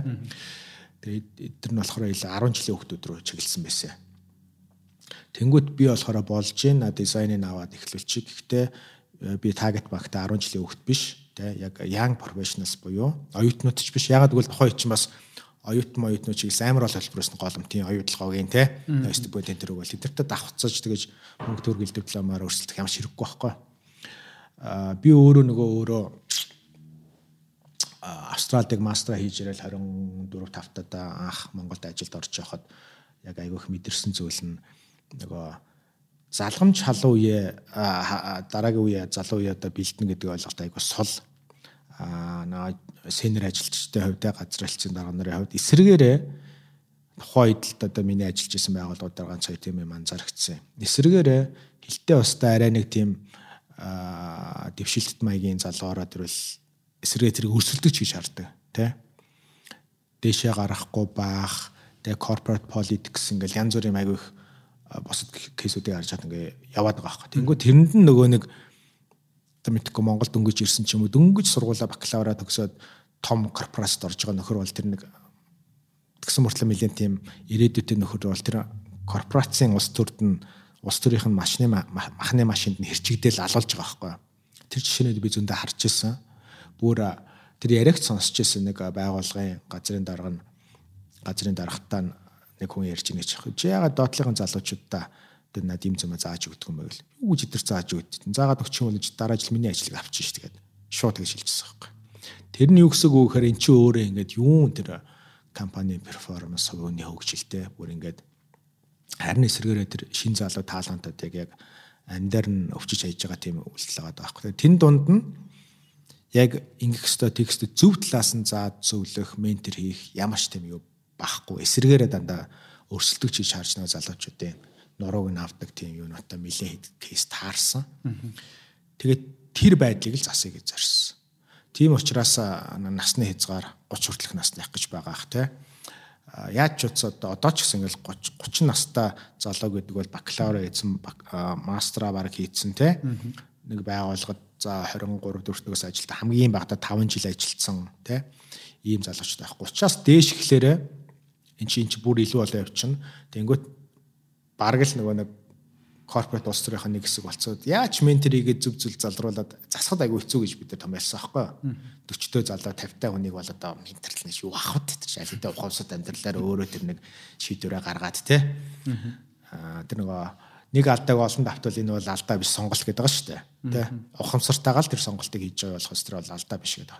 Тэрнтэй адилхан магадгүй 30 хүртэлх насных нь өстой санаанд алдсан байж магадгүй маа те Тэгэхээр арай нөгөө менторийг чиглүүлээ. Тэр нэг жоох ийшээ хазаад эсвэл жоохон урам нь хугараад бензин дуусаад тий ирээдүгөө бүтээр нь харж чадахгүй байгаа болол яг л яг тэр нөгөө цонх үе гэдэг шиг тэр нөгөө бусдын зөвлөгөөг авах хит орой оройтойгоо дээрээ буцаж тий зөв зам руугаа орох карьерээ зөв төлөвлөх тэр яг алтан үеийн магадгүй 20-с 30 насан болов гэж бид бодоод Тэгээ яг энэ сегментийг сонгож авсан. Тэгээ залуу мэрэгчлэн гэдэг нь болохоор бас оюутан 10 жилийнхэн биш те мэдлэг боловсруулалтаа эзэмшсэн. Ажлын байран дээр дөнгөж гараад яг түрүүний хэлгээр яг уучраа олж амжихгүй байгаа. Бодлоод байгаа. Гадуурхагдаад байгаа те under valued буюу те үнэлэгдэхгүй байгаа. Бүрэн хүчин чадлаа гаргаж ажиллаж чадахгүй байгаа тэр залуучуудыг л яаж бүрэн нээх үү тийм тэхийн тулд яг тэр өмнө нь 10 20 30 40 жилийн өмнө яг тэр зовлонгийн туулсан хүмүүсийг тэ? Зөв имижтэй бусдаа юм хаваалцах хүмүүсийг нь ментороор сонгож урьж авчираад тэгээд та тэр тэргүүн туршлага энэ залуутай нэг жилийн дотор хуваалцаад аа туршлагаа л хуваалцагч зөвлөгөө өгөө те тэрнээс биш ингээд та энэ хүнийг одоо карьер ахиулах гадаадд магистр тэтгэлэг авах тэр үүрэг ерөөсөө үлээхгүй. Ерөөсөө хатуу формат байхгүй. Сар болгон хурал хувийн даадаа бах уулзахгүй ч биш болно. Мэддэг. Тэгэл хамгийн гол нөгөө нэг менти залуу маань өөрөө аягүй зоригтой байх хэвээр. Яг тэр хүнээс энэ хөтөлбөрөөс яг юу аммаар байгаа юм.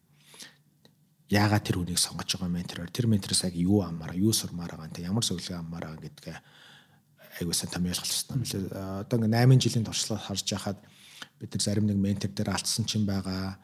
Тэр нь тухайлах юм бол айгүй мундаг чадвартай мөртлөө тэр мундаг чадвараа илэрхийлээд хүнд заахта очид дутагдaltaй хүн байд юм байна. Харилцааны асуудалтай хүмүүс байд юм байна. Эсвэргээрээ бас мундаг чадвартай мөртлөө тэрийг хүн заах дурггүй гэж юм байна тий. Тэд нар ингээд бид суралцаал явж байгаа. Нөгөө талаасаа ментинерийн хувьд бас ингээд тэднээс их зүйл болт ингээд бэлэн юм амд нь хийнэ гэж бодоод ингээ хүрээд ирдэг. Тэгээ эренгүүтээ за одоо би яг яах вэ гэдэг ментороос. Тэнгүүт одоо ментор чинь бүгдээрээ л өстой 2 3 ажил зэрэг хийж байгаа. Өчнөө төрийн бос байгууллагууд тэртад ажиллаж байгаа супер завгүй хүмүүс те. Бүгдээрээ гэр бүлтэй. Тэнгүүт нөгөө нэг нэг залуу эренгүүтээ одоо би яах вэ хүрээд ирэхэр чинь тэр хүндэстэ цагийн гар залж байгаа байхгүй. Эсвэргээрээ тэр залуу нь бүсгүүн ч юм уу те. За би танаас яг нэг л мэдмээр сурмаар байна те. Ийм л юм асуумаар байна. За энэ дээр л чиглэлээд үгээд тодорхой зорилготой очих юм бол тэр хүн тэр бүх юм орно хэлээд байгаа байхгүй. Тэ. Тэгээ манай 2 жилийн өмнө илүү манай нэг хөтөлбөрийн ментиг айгу гоё кейс байдیں۔ Аа нэг менти сонго ментор сонгоод нөгөө ментор супер бизи. Ерөөсөө нөгөө нөгөө залуудаа нэг цаг гаргаж чаддгүй. 2 3 үдэнд нь аа 3 4 цаг хүлээгээд уулзах чадахгүй ингээ яатсан. Тэгээд за тэдний үед яриараа гэсэн ч гэлөө нэг ярьсан ч өө би одоо яг ингээд 2 3 цагийн дараа гадагшаа ажиллаар явах гэж байна. Тэгэд ирж байгаа болоо. Тэр нь дахиад 7 хоног болох гэдэг. Тэнгүүт манай залуу талгааны ажиллангаатай би таныг аэропорт хүргээд өгөө машинаараа. Тэгээд тэнгээ ингээд асуух юм асууя гээд тэнгүүтээ юу гэдэг вэ тэр чинь албаар нэг төвчрэлтэй зам сонгож явсан ч гэдэг лээ те нэг илүү цаг нэг метртайгаа яхахын тулд өнгөрөхийн тулд жишээ нь энэ бол айгүй хөөрхөн юм үнэхээр авъя байгаа. Яг л тийм тийм хүмүүсээс л яг үр дүн гардаг. Тийм залуучуудыг л одоо сонгох хичээдэг л дээ. Тэгэхгүй бол ингээл те алавтай юм шиг одоо нөгөө хүн нөгөө тийм өмнөөс нь бүх юм зааж зөвлөж өгөх юм шиг юм үүрэг хүлээсэн юм шиг гэж ойлгож байгаа дах юм бол тэнд удаас юм гарахгүй л те. Тэгээд манай туршлагатай менторуудын хэлж байгаа юм тэгэлээд зорилгоо тодорхойлол орж ирээрээ. Тийм л залуутай би ажиллана шүү. Тэгэхээр цаг урсан юмтай бол би ажиллахгүй шүү гэж эхнээсээ хэлдэг болчиход байгаа л да. Тэрийг магадгүй одоо энэ жилийн хөтөлбөрт хандахаар бэлтэж байгаа. Магадгүй өмнө нь хандаад тэнцээгүү залуучууд байх юм бол энийг сонсоод бас айгуу том тийм шипи болох байхаа гэж бодож байна те.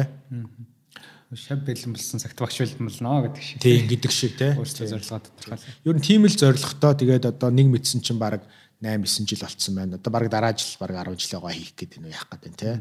Тэгээд жилд бид нар чинь а 12 тийм заримдаа ингээд нөгөө юу мөө нэгтчихлээр нэг хүн дээр зарим менторууд за яах вэ би энэ жил 2 ментор авчих энэ бол нэг максимум 15 менти те яа тэгээд 8-аар өрчөр хэд болж байна те одоо бараг 100 муу төгч гинөө менторууд манаас солигдож шинээр орж ирээд бас ингээд 70 80 ментор байгаа ах тэгээд нэлээд тийм хөрхөн community үүссэн тэгээ явж байгаа. Алимна групп ч гэсэн үүссэн ингээд явж байгаа л та. Ментинер антсанд хооронд амар гоё нэгэн үеийн өөрөө салбарт ажиллаж байгаа олон төрлийн мэрэгчлээ залуучууд бас найзуудлаад авдаг тий. Тэр маш алимна юу болж байгаа чи. Тэгээ уулздаг, би биенээс юм асуудаг, би биенийхээ ажлыг дэмждэг тий. 8 жил гэхээр би нэг 2 жилд нь би 2 менти авч илүү. Тэгэхээр нэг ярсан 10 ментитэй болцсон юм уу? Өнөөдрийн байдлаар тий. Тийм л явж ах шүү дээ.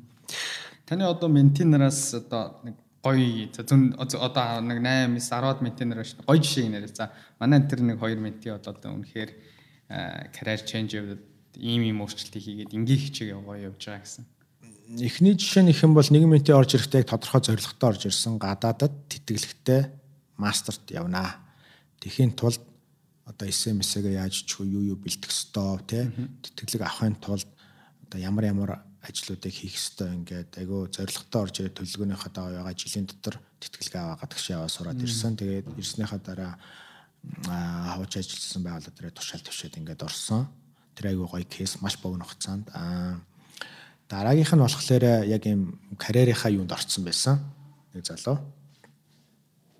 Хувийн бизнес эрхэлж үзчихсэн, гэр бүлийн бизнес эрхэлж үзчихсэн, тий. Тэгээ янз бүрийн байгууллагуудад орж үзчихсэн. Нэг л уучраа олохгүй гэр бүлийн бизнес салаад өөрөө хуваараа нэгэн байгуулж үзээд найзуудтайгаа нийлж үзээд нэг бүтлгүүтэд ингээд явж байсан. Тэгээд би яг зөвлөсөн юм нас залуу байгаа дээрээ том корпорацид ажиллаж үзээ. Тэ насаараа биш юм байхад ядаж нэг 5 жил ажиллаад тэнчнээс яг тэр том корпорац компани бүтц яаж ажилтын соёл нь ямар эдийн шийдвэр гарах төвш нь ямар эдийн те эрх мэдл функцаар ажиллана гэдгийн ялгаа юу юм? Чи тэгэхгүй бол ерөөсө тийм корпорат орчин мэдрэхгүйгээр өөрөө л өнгөрсөн хугацаанд болгоол унж усаал те гэр бүлийн бизнесник хийгээл найзтайгаа хийсэн бизнесник хийгээл тэр нэг юунаас салж чадахгүй байна гэд. Тэгээ миний зөвлснөр найзуудынхаа бизнесээс салаад гэр бүлийн бизнесээ хаяад том корпорацт ороод тэгээ бас нэлээ олон жил болсон. Тэгээ тэр корпорацгаа шилдэг ажилтнаар шалгараад нүд бүх цар төгөрөнд нээгдээд одоо тэгээ дараахыг карьер руу явж байгаа. Тэгэхээр нэг иймэрхүү хоёр жишээг л хэлмээр байна л да. Тэгэхээр магадгүй өөрөө зөв гэдгээ мэдж байгаа атлаа ихэнх залуучууд бол юугаа мэдчихлээдэг дотроо мэдрэмж тий. За нөгөө хүнээр нэг ингэж араасаа түлхүүлэх юм а те нэг тийм аа тийм харин тэр замаар нь яваад алдаад үзсэн юм уу амтлаад үзсэн хүнээр ингэчтэй маа гэж хэлчихээр харин тийм би бас тэрийг бас мэдэрсэн байхгүй. тэгэхээр өөртөө ингээл эргэлзээл чадах болов уу яах болов? Гэж бодоол яваад байдаг. Тэнгөт мэдхгүй. Хүндэлж явдаг ч юм уу те эсвэл арай туршлагатай гэж боддог хүн. Юуг нь бодоод байгаа юм бэ? Ингэлтэй гингөт за яг миний бодсон зүг байсан байна гээл те өөрөө дотор нь ботсон байгаа мэдрэмжээр нь итгэл нэмэгдээд Тэгээ яг бодит үйлдэл болоо. Тэгээ яг тэр зорилготой хүрж байгаа юм. Тэгээ залуучуудын дутагтаад байгаа мөрдөө энэ л байхгүй. Манай менторуудаа өвч гэсэн ингээл мөнгө төгрөгөөр дэмжээл ингэдэг мөрөөсөө байхгүй. Ерөнхийдөө л яг л энэ. Яг тэр дутаад байгаа нэг жоохон итгэлийн өгөх, тэ зориг инспирэшн өгөх. Аа дээрээс нь тэр нэг ургаж ядаад байгаа, тэ нисч ядаад байгаа далавчийг нэг ингээд дэлгээд өхөл гол үүрэг байгаа. Манай менторшип хөтөлбөрийн гол зорилго нь энэ л гэж бодож байгаа. Тэгээд энүүгээрээ ч явж байгаа гэж бодож байгаа. Анх 8 жилийн өмнө менторшип, ментор, менти гэж ярихаар энэ ойлгодог юм бас аяга ховор байсан. Анхны яг энэ үгнүүдийг манай энэ холбоо анх нотгшуулсан байхгүй. Тэгээд орчуулах гэж үзээд бүтлгүүтээд те яг энүүгээрээ явъя гэд. Тэгээд үүнээс дараа дараа манай хөтөлбөрийн ментинар чи өөрсдөө төгсөж харангуйтай компаниуд дээр менторшипийн хөтөлбөрөөр хэрэгжүүлж байгаа байхгүй юу? Шинээр нэгээд өөрсдөө тий. 4 5 компани тэгсэн. А дээрэс нь манахаас айгүй их нөө ирж туршлага судалдаг тий. төрийн байгууллагынхан хамгийн сүүлд миний мэдхийн Улаанбаатар хотын захиргаа тий эмэгтэйчүүдийн холбоо энэ ч анх удаага ингээ менторшип хөтлөр яваад би тэгээ бас нэг advisor өгөөд консалтенси өгөөд тэгээ ингээд ажиллаад ингээ манахаас бас нэг бахархах юм Монголд бас энэ менторшип гэдэг одоо 30 хөтөлбөрийг бас анхалж оруулж ирээд ингээд амжилтаа нотолж чадсан гэж бас хамт олноороо бахархаж хэлмээр байна. Тэгээд айгүй олон залуучууд ингээд туслаа туслаа яваал өөрсдөө хөгжөөл гадагш чаддаг яваад ингэж байгаа. Одоо бид нэр сүүлийн нэлээд жил нэг Global Shapers Group-тэй тий манай нөгөө дэлхийн эдийн форумын 30 хүртэлх насны залуучуудын Улаанбаатар хаб эдэртэйгээ хамтраад яг энэ хөтөлбөрөөр хэрэгжүүлээд эдэр маань одоо бүх сонгон шалгаруулалт үйл ажиллагаа тий өдөр тутмын юм ингээ аваа явдаг. Тэгээ шеперс чи өөрөөс жил тутам ингээ шинжилгэдээ дараа ротацтай явдаг. Тэгээ шинэ залуучууд нь орж ирэл энэ хөтөлбөртөө айгуу гоё одоо зохицоод явж байгаа. Тэгээ энэ жилийнхаа хөтөлбөрийн огтудаа ялангуяа бат чимэгтэй тий босод огтудаа ингээ баярлалаа гэж хэлмээр байна бас. За баярлалаа. Одоо яг ярианыхаа дараагийн хэсэг рүү орё гэж бодож байна. Ерөнхийдөө би нэг гурван хэсэг бэлтгэсэн байгаа. За маргааш э, хол аян занд явах гэж байгааг сонссон. Э, хаашаа ямар ажиллаар явах гэж байгаа бол нууц биш бол. Өө нууц биш биш. Одоо бас нэлээд том ажиллаар явах гэж байна гэж байгаа амьсгаа өндөртөл явж байна. А маргааш явах ажлаас өмнө бас нэг зүйлийг хэлэх ёстой. Тэрний үе гэхээр бид нар энэ оны 3 сарын 21-нд а Женевийн Нүби Европын төв офсд болох төв офсд бид нэг тийм сайд арга хэмжээ юу тусгай арга хэмжээг зохион байгуулсан. Төрийн байгууллагууд манай элчин сайд, байнгын төлөөлөгчийн газрууд, нүбийн дэргэд байгаа гадаад харилцааны яам, соёлын яам, нийгэм нийгмийн албанчийн яам энэ төргээд тэгээ тэр нь юу вэ гэхээр 3 сарын 21-ний ч өөр дэлхийн давааны өдөр гэж явдаг. Яагаад вэ гэвэл 21-т хос оромсон 2 биш 3 буюу экстра байдаг илүү.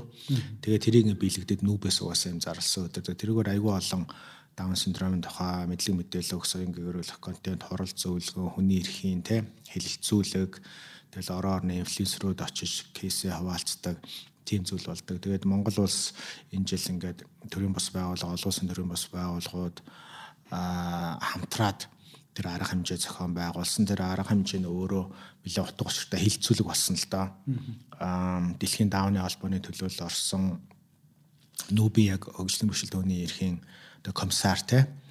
Рап спешиал рапортер нь орсон. Тэгээд өшөчөн олон улсын төрийн бас байгууллагын төлөөллүүд гэдэг ингээд ороод шалтгаан нь юу вэ гэхээр нүүбдэд гэж хаягддаг нь. Гадаадд олон жил ажиллаж амьдарч байгаа сурч байгаа тэр хүмүүс бас мэдэх бах. Ялангуяа англиар ярьдаг улсуудын хувьд та хойд Америк төр чигээрээ Европ тэгээд бас Франц, Испаниар ярьдаг улсуудын хувьд нөгөө Монгол. Монголоид монголизм гэдэг үгийг буруугаар хэрэглэх явдал албан босоор айгу түгээмэл байдаг мэдээж одоо бидний хүрээлэлд ингээл хурал хувьдаар тийм юм хэрэглэхгүй л дээ тий.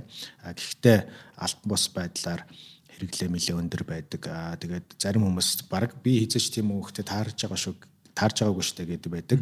Тэгээд энгийн тийм соёлтой орчинд бол тэрийг мэдээж хэрэглэхгүй л дээ тий. Аа ер нь бол зүүрлж хэлвэл бид нар ч гэсэн өөрсдөө бүр нэг дургуйг орсуунд ингээл хилдэж штэ юм хужаа мажаа гэл те. Энд чи өөрөө бас ингээд расизм л гэсэн үг шүү дээ. Яг тэрнтэй адилханаар биднийг чи Монгол гэдэг бол ерөнхийдөө тэр сланг те хэрэглээ нь болохоор чи мангар, тэнэг те бүдүүлэг гэдэг утгыг агуулж байдаг. Тэгээд яг энэ үгийг дэлхийд даяар урлаг, соёл, спорт те ном хэвлэл гэдэг дээр ингэж санаатай болон санаагүйгээр буруу хэрэгжилж улс үндэстнийг доромжилсан дээрээс нь даун синдромтой холбосон тийм тохиолдлууд одоо хүртэл гарсаар л байгаа л да. Тэгээ хамгийн сүүлийн жишээ нь бол Австралид нэг зохиолч бүсгүй яг номоо гаргахтаа энэ агуулгаар хэрэглээд гомдол гаргаад бүх номоо худалдаанаас татсан.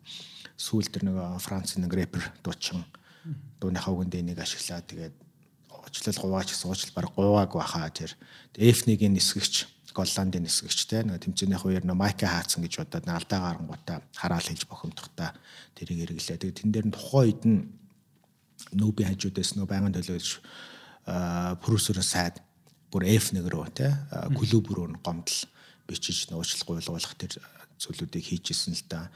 Тэгэхээр аюу олон хүмүүс ингэж ярьдсан байлээ нөгөө Эний чинь аль хэдийн хориглолцсон шүү дээ тий. Нүүб болон дэлхийн эрүүл мэндийн байгууллагаас хориглосон тогтол гарсан гээгүй мүү гэд. Би ч гэсэн саяхныг хүртэл тийм тогтол гарсан гэж итгэж явсан. Тэгээд хайгаад болоогүй. Аа яагаад гэвэл яг ковидын үеэр нөө Трио гэдэг киног бүтээсэн уран бүтээлчдтэй хамтарч ажилласан. Тэгээд нэг продюсераар нь ажиллаа, зохиол гарчиг дээр нь нэрэн дээр нь ажиллаад ингээ явж байхдаа аминда нэг кино дуусан гот хэрвээ тэр баримт байсан бол нэг киноно тэгдэж штэ. За ингээд энийг хориглох тэр тогтоол шийдвэр нь тэдэн онд нөө бүбэр гарч исэн гэдэг аминда нөө юу киноны хаард наах гад. Тэрийг нь баг хагас жил гаруй хайсан л да. Улсын төв архив, гадаад хэргийн яамны архив, Женев, Нью-Йоркт байгаа дэлхийн эрүүл мэндийн байгууллага болон Нүбийн архивуудыг шүүлгэж үзээд ингэхдээ гадаад хэргийн яам болон Нью-Йоркт байгаа байнгын төлөөлөгчийн газар, Женевд байгаа байнгын төлөөлөгчийн газар хамтарч ажилласан. Ерөөсөө тийм аль босны тогтоол resolution ерөөсөө олдоогүй. Харин хоёр сонирхолтой баримт олцсон нь 1965 онд байсан баха. Дэлхийн эрүүл мэндийн байгууллагын нэг олон том хурал нь болоод тэр үед манай бүгд нэгт Монголд ард улсын эрүүл мэндийн сайд нь Туван гэж юм байсан билээ. Нөгөө ерөнхий ассамблеийнхаа үеэр гар өргөөд тэгээд яг энэ агуулга хэлсэн байл л дээ. Одоо энэ үгийг одоо ийм доромжтгоор хэрэглэхэ болмоор байна те. Энийг анхаарч өгөөч гэгээд тэр нь тэгээ хурлын протоколд нь бараг 700 800 хуудас протокол байгаа байхгүй. Тэрний 60 дэх хуудас нэрчил ингээ байдیں۔ Тэгээд тэгж протоколд үлдсэн болохоос биш баримт болж зөвлөмж болж тогтоол болж ерөөсө гараагүй байгаад байгаа. Аа нөгөөх нь болохоор яг тухайн үед бас яг энэ даун синдром гэдэг зүйлийг classification буюу английн өөрчлөлт те яг юм а яг өвчин биш те яг юм синдром буюу хам шинж гэдэг яг тэр англи руу н оруулж тэгээд нөгөө 19 орны эрдэмтэд байдаг үлээ да. Яг гарын үсгэд зураад энийг бас ингэж буруу утгаар хэрэглэх нь зөв бос утгаар хэрэглэх нь буруу ялангуяа эрүүл мэндийн салбарт ингэж болохгүй гэдэг нэг хоорондоо ярьсан тийм протоколууд хурлын тэмдэглэл байд юм л. Тэрнээс биш тийм resolution тогтол гараагүй байгаа. Тэгээ гараагүй учраас одоо сая ингээ янз бүр ингээд дэлхийд даяар алдартай дууч тамирчдаас ахуулаад ингээл хэрэгжилж штэ тэ. Тэгэхээр ингээд бас хариуцлага тооцох гэдэг юм уу тийм ерөөсөө байхгүй. Нөгөөд нь тэгээ бас тухайд ярьслан маршлан дээрээ дурдсан л л. Угаас л манай үеийнхэн бүгд л ингэж ярьдэн шүү. Юу нь болохгүй. Ярахаар яад энэ хариуцлага нь яад ингээд. Тэгээ угаас нөгөө тийм нөгөө механизм байхгүй учраас бид нар нөгөө enforce хийж чадахгүй те энийг одоо хэрэгжилж болохгүй зөвөр хэрэглээрэ гэдэг юм байхгүй. Тэгээд хоёр шалтгаанаар яг энэ ажил дээр одоо Женев дээр бид нар ажилласан Эхнийх нь болохоор мэдээж Монгол бас иргэн хүний хувьд бас энэ нэр том яг буруу зөв ингэж хэрэглүүлмээрг байна те. Өөрсдөө дарамжлуулаад гутаан дарамжлуулаад хоёрт нь би өөрөө даавны холбоог үүсгэн байгуулж даунтаа хүүхдээ аав хүн. Тэр утгаараа ингээд personal энэ чайгуу тийм хэцүү болж байгаа хэ те. А даун синдромыг одоо даун синдромтой хүмүүсийг хүүхдүүдийг community-д оромжилсан а чадрын дутуу унлсан үл тоосон тэмцэл болж байгаа учраас энэ хэрэглээг л аль болох аль биесоор тий бойлуулах хориглох урайлгыг нүүбийн бүх гишүүн орнууд ЮНЕСКОгийн бүх гишүүн орнууд руу одоо гаргах гээд ажиллаад байгаа. Тэгээд нөгөө талаас ковид үе түрүү хэлсэн тэрэ гэдэг уран бүтээл дээр ажиллаж яхад нэлээх судалгаа хийсэн. Тэгээд тэнцэнс бас нэг ойлгосон зүйл юу гэхээр Монголын даавны холбоо ч одоо үүсгэн байгуулалтад баг 20 дахь жил рүү орох ч нөө тий баг төгсөж байгаа шүү алтмасаар нөгөө анхны хүмүүс нь бол гэрчлэгээ авсныг нь стооцвол Тэгээ өнгөрсөн хугацаанд бол ингээл нэлээд л олон ажлыг олон хүнд олон аймаг байр явж олон хороо хүнтэй уулзаж сургалт зөвлөгөө ингээд хийсэн мэт боловч нөгөө нийгэмдээ нөгөө нөлөөлөх нөлөөлөл яг тэ сансан хэмжээнд байж чадахгүй байгаа даа. Тэгээ төрөөмөөс болох чи өөрөө хязгаарлагдмал нөөцтэй байгууллага бид нар чи өөртөө бүтэн цагийн ажилтаа хүмүүс сайн дураараа хийдэг. Аа ковид үед анзаарсан зүйл нь юу вэ гэхээр гэртээ хүмүүс чинь ингээл хоригдсон гот юу хийдэг вэ гэхлээрээ тэгэл яг кино үзэж байгаа хэрэг те өөр хийх юм байхгүй. Үндсэндээ онлайнаар сурч जैन янз бүрийн entertainment хөтөлбөр кинонууд үзэж зурагт зурагт л одоо зурагт интернет аминд орлоо шүү дээ тий Тэгээд анзаараад ер нь бол зөв ашиглаж чадах юм бол кино урлаг гэдэг чинь өөрөө маш том тий нийгэмд богино хугацаанд нөлөөлөх нөлөөллийн тийм хэрэгсэл юм байна гэд тэгээд жүжигчин одоо Бат төмөр тий болон түүний багтай хамтраад энэ уран бүтээл дээр ажилласан тэгээд анханасаа яг фестивал буюу олон улсад зориулсан яг нөлөөллийн маягаар юм компанид ажил хийя гэд киногоо ерөөхдөө дизайныг гаргасан. Тэгээд одоо энэ кино маань За хамгийн сүүлийн байдлаар дэлхийн 5 ТV-ийн 15 улсаас энэ 16 улсаас энэ 19 одоо шагнал навчтай official selection шилдэг жүжигчин, шилдэг продюсер, шилдэг зураглаач. Ер нь бол бүх төвшнийх нь ингээ шагналыг аваад байна л да. Тэгээ энэ өөрөө бидний нөгөө тавьсан зорилготой багч гисэн хурц аяа нэг илэрэл гэж бодож байгаа. Тэгээ саяны тэр Женевд бас арга хэмжээнд дээр хилцүүлгээ хийгээ би өөрөө модератор хийгээд хурлаа хөтлөөд гол гол агуулга базаад дүгнэлт саналаа гаргаад тэгээд артын даадуксээ буюу урлагаар дамжуулж яг те зөв нөгөө мэдлэг мэдээллийг олон нийтэд глобал яаж компанид ажил хийх вэ гэдэг жишээг нь Terracanыг үзүүлээд маш олон хүний бас талархал хүлээг явж байгаа л да. Тэгээд Женевийн арга хэмжээ маш хүчтэй болсон. Тэгээд тэнчнээс аюул хүмүүс холбогдоод ЮНЕСКО ч өөрөө нөгөө нүүбийн соёл шинжилгээ ухааны хамгийн том байгууллага тий. Тэгээ бас маш олон гишүүнтэй хүчтэй байгууллага. Тэгээ яг энэ кино бүтээсэн дээрээс нь яг энэ хилцүүлэг энэ төрө тэнцээ хийвэл бас яг нөгөө зохио хүмүүст нэг хүчтэй өрн. Дээрээс нь нүүбийн төв офисер Нью-Йоркт байдаг. Тэгэхээр яг Нью-Йорк дээр яг наад дуу хоолойгоо хөрөх юм бол илүү олон хүн төрээд одоо нөгөө бидний хүсэж байгаа тэр тогтоол шийдвэр болж баталгаажих те албажих юм руу илүү хүрнэ гэдэг зөвлөө өгсөн нүүбийнхаа. Тэгээ бид нар хөөцөлцөөр агаад тэрнээс хойш ЮНЕСКОтой тэрнээс өмнөөс холбогдчихсэн. Аа та нар санаж байгаа бол жилийн өмнө илүү ЮНЕСКОгийн том захирал айлчилсан шүү дээ. Хамгийн том захирал нь эмэгтэй. Тэгээд Монгол Улсын засгийн газартаа бас нэлээд том санамж жижиг зурсан бүх салбарт хамтарч ажиллах гээд тэрний ЮНЕСКО Монголынх нь салбартаа бид нараас хамтарч ажиллаж байгаад тэр санамж жижиг дунд нэг заалт оруулж өгсөн. Яг сая агуулгатай заалт. Саяны үгийг Монгол Монголд Монголын мэдээ үгийг улсын үндэсний доромжтгаар байдлаар хэрэглэх тэ даун синдромтой холбох зүйлийг ЮНЕСКОгийн бүх одоо байгууллагууд Монгол Улсын засгийн газар хамтраад дэлхийд даяар үүний эсрэг компанид ажлыг хийнэ гэдэг заалт оруулсан байхгүй юу. Тэгээ тэрний хамгийн одоо бодиттой ажил нь тэр хүрээнд бид нар хөөцөлдсөөр байгаа ЮНЕСКОд одоо 5 дахь өдөр энэ 7 оны сүүлээр тэр арга хэмжээ хийх гэж байна л да. А ЮНЕСКОгийн төв нь өөрөө Франц улсын нийслэл Парис хотод байд юм байна. Тэгээ 2 жил тутам нөгөө General Assembly буюу ерөнхий одоо багш чулан гэх юм а тэр нь болд юм байна. Тэгээд том байгууллага учраас баг сар үргэлжилт юм байна тэр хурлан. Дотор нэг айгүй олон саб сектортой соёл урлаг хүний эрх гэл ингээл явд юм байна л да. Тэгээ миний ойлгосоор энэ 7 нэг хүний эрхтэй холбоотой хэсэг нь явж байгаа. Тэгээд манай хэсэг яг энэ хэсэгт нь орж байгаа учраас тэгээ 5 дахь орой Парист бид нэр энэ хилцүүлгээ хийгээд тэр киногоо үзүүлээд бас яг тэр арга хэмжээ хийхээр одоо төр засгийн байгууллагууд, төрийн бус байгууллагууд, олон улсын төрийн байгууллагууд те хэвлэл мэдээллийнхэн манай кино баг одоо өн өглөө явцсан. Тэгээд дөрүүлээ явж байгаа. Одоо бууж байгаа бах. Тэгээд эд бэлтгэлээ хангах гал нэлээд амьсгал төртөл явж байна да. Тэгээд энэ нь амжилттай болчвол болно гэж бодож जैन тэг бүх хүч чармаалтаа зарцуулж байгаа. 12 сарын 3 Дэлхийд даяар нэг хөгжлийн бэрхшээлдүүний эрхийг хамгаалах өдөр гэж байдаг. 12 сарын 10 хүний эрхийн өдөр маш чухал хоёр өдөр байдаг байхгүй нөгөө би бас гаргасан. Тэгээд дэлхийд даяараа яг энэ чиглэлээр нөгөө ад гэдэг хүний эрхийн хамгаалагч нар ингэж олон нийт рүү чиглэсэн ажлуудаа хийж тэмдэглэдэг. Тэгээд тэр өдрүүдэд нөхтөөд Нью-Йоркод энэ арга хэмжээгээ хийх санал тавиад дуншиж дуншиж дуншиж саяхан бараг 10 хоногийн өмнө албасны шийдвэр нь гараад 12 сарын 1-нд ирээ арга хэмжээгээ шийдвэр нь гараад тэгээ залгаад цаашаа явах гэж юм л да. Тэр нь одоо яг энэ одоо бидний манай багийнхны хамгийн оргил хэсэг нь байх болно. Яг нүбийн төв офс дээр нь те. Тэгээ яг бэлтгэл ажлуудыг хангагдаад ингээ явж байна. Тэгээд ийм хоёр ажил ажиллаар л одоо явах гал нэлээд амьсгал төртөл явж байна да. Тэгээ энэ нь өөрөө ингээ хүн харахаар зарим хүмүүс магадгүй зөвхөн Монголын давны холбоо ч юм уу давнтай холбоод хараад иж магадгүй. Нөгөө нэг зарим хүмүүс нэг киноны багтаа сууг яваад кино гаргаад байгаа учраас киноны яваад энэ урлаг талаас нь хараад иж магадгүй.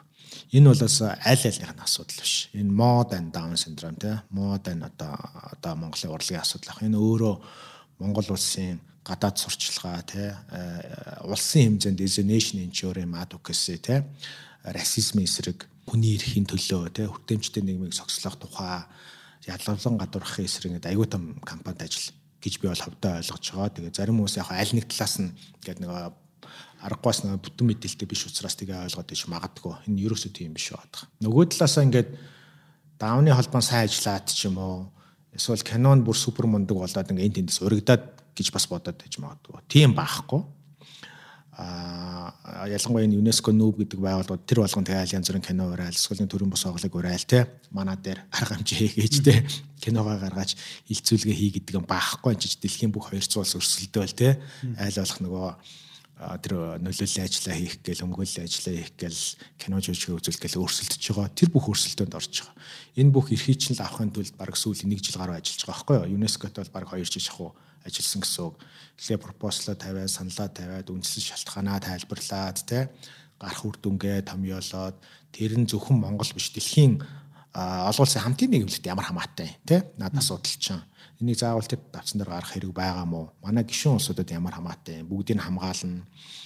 Дээрэс нь кино гэхэд одоо жишээ нь нөгөө үзэл суртлын одоо хороо гэх юм а тий тэдүгээр нь бүр орд юм билээ. Тэгээ яг янз бүрийн хориотой тий хөгжир хийлэл гимт хэрэг мэрэг тийм сурталчлан кино баах вэ гэж бүгднийг баа байг үзэж ингэж хөшөөрлө өгдөг. Хуралд оролцогчдын хүртэл ингээд бэкграунд чек хийдэг. Яг ямар хүмүүс модератор их ямар хүмүүс одоо панелд нь суух ингээд нэлээд том шалгуурыг давж байгаа байхгүй юу. Тэгээд энэ өөрөө ингээд нэлээд тийм процесс болдог тийм юу нэлээд тийм нарийн шалгууртай процесс юм байл л дээ. Гэхдээ ямар ч сан тэр бүгдийг даваад ямарсан Монгол кино ингээд том гурван те газар гарсан баг анхны Монгол кино болох байхаа. Тэгээ олсон байгууллага тавцсан дээр гарсан. Тэгээд хилцүүлгийн хувьд ч гэсэн Монголын давааны албаа бас ингээд энэ хилцүүлгийг удирдаад энэ үйл ажиллагааг ингээд бусад төрлийн бос байгууллага болох одоо Шотландд байдаг манай уугнаа Рамсаа гэх бүсгүй байгаа. Бас яг даун синдромын адвокат.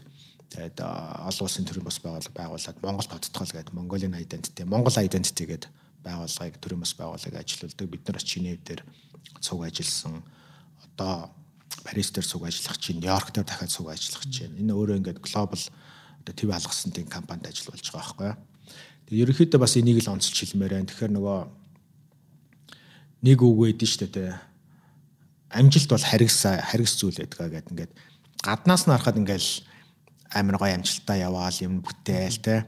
Нью-Йоркд дуудагдал, Женевд дуудагдал, Парист дуудагдаад байгаа юм шиг мөртлөө. Цаанаа эн чинь маш олон тий хүнд хэцүү шалгуурыг даваад мөнгө төгрөг босгохоос ахуулаад энэ агуулгаа гаргах тий улс төрийн хувьд одоо би ч одоо төрийн бас байлгах гэсэн улсыг төлөөлж гин гэсэн үг шүү дээ тий болоосоо тэр нюансаа сайн ойлгох 9 шидийн стейкхолдеруудтай харьцах төр зэсгээс ахуулаад олон улсын байгууллагууд тэрэгний нийгмийнхэн дэлхийн давааны албаа, Азийн хөндлөн бусын давааны албаа, хэвлэл мэдээл, кино уран бүтээлчэд гээл юу нь бол амар биш Э, нэг нэг үлгэд болсон нэлээд ядарч байна. Одоо тэгээ яг энэ хоёр том ивентээ хийгээд тэгээд дараа дараагийн одоо баг нь одоо энийг үргэлжлүүлээд хийх байх. Дээрээс нь ингээд аль биесны тушаал шийдвэрлж албчихын тулд аа одоо жишээ нь сайхнаар төсөөлөх юм бол дараа жилийн жил болгоно нүүби ерөнхий ассамбле болж байгаа шүү дээ Нью-Йорк хотод сая манай ерөнхийлөгч яваад ирсэн.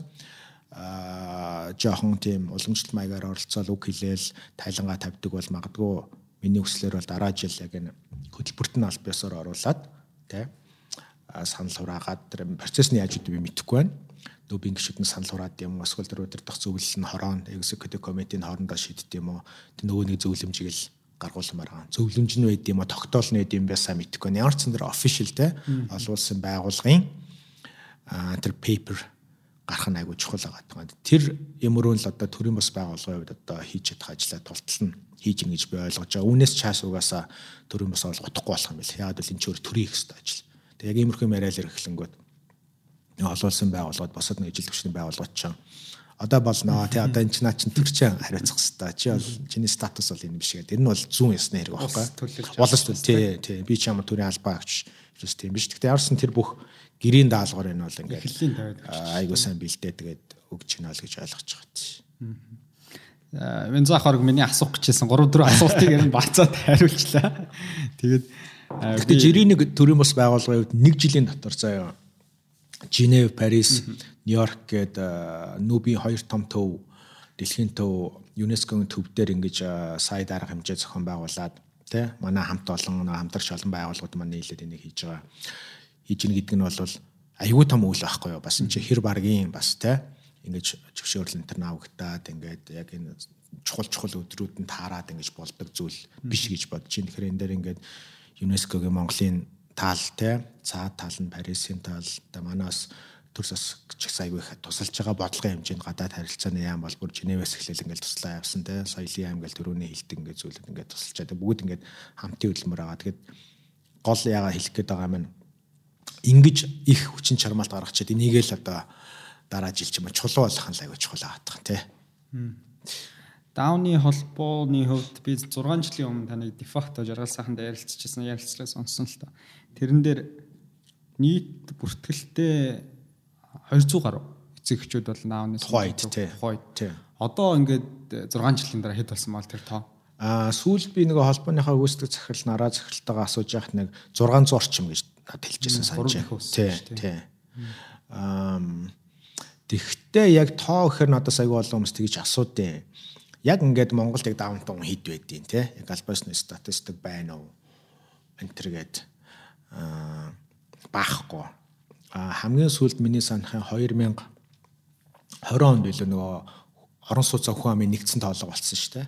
Тэгэхэд асуулга дунд нь харин ашгүй танаа гэр бүлийн гишүүн дунд хөгжлийн бэрхшээлтэй хүн байгаа юу гэд.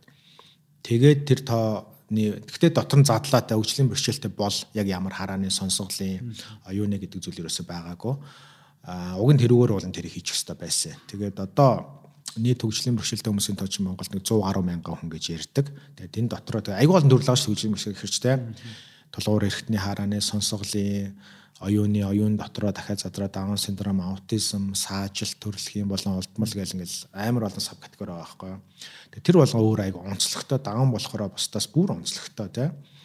А би эрхтний хувьд зүгээр мэт боловч ерөнхийдөө хамгийн энгийн нэр хэлэх юм бол IQ буюу оюун ухааны левел нь энгийн хүмүүстэй харьцуулах юм бол өөр байдаг. Гэхдээ дахиад дотор төвшөнтөө.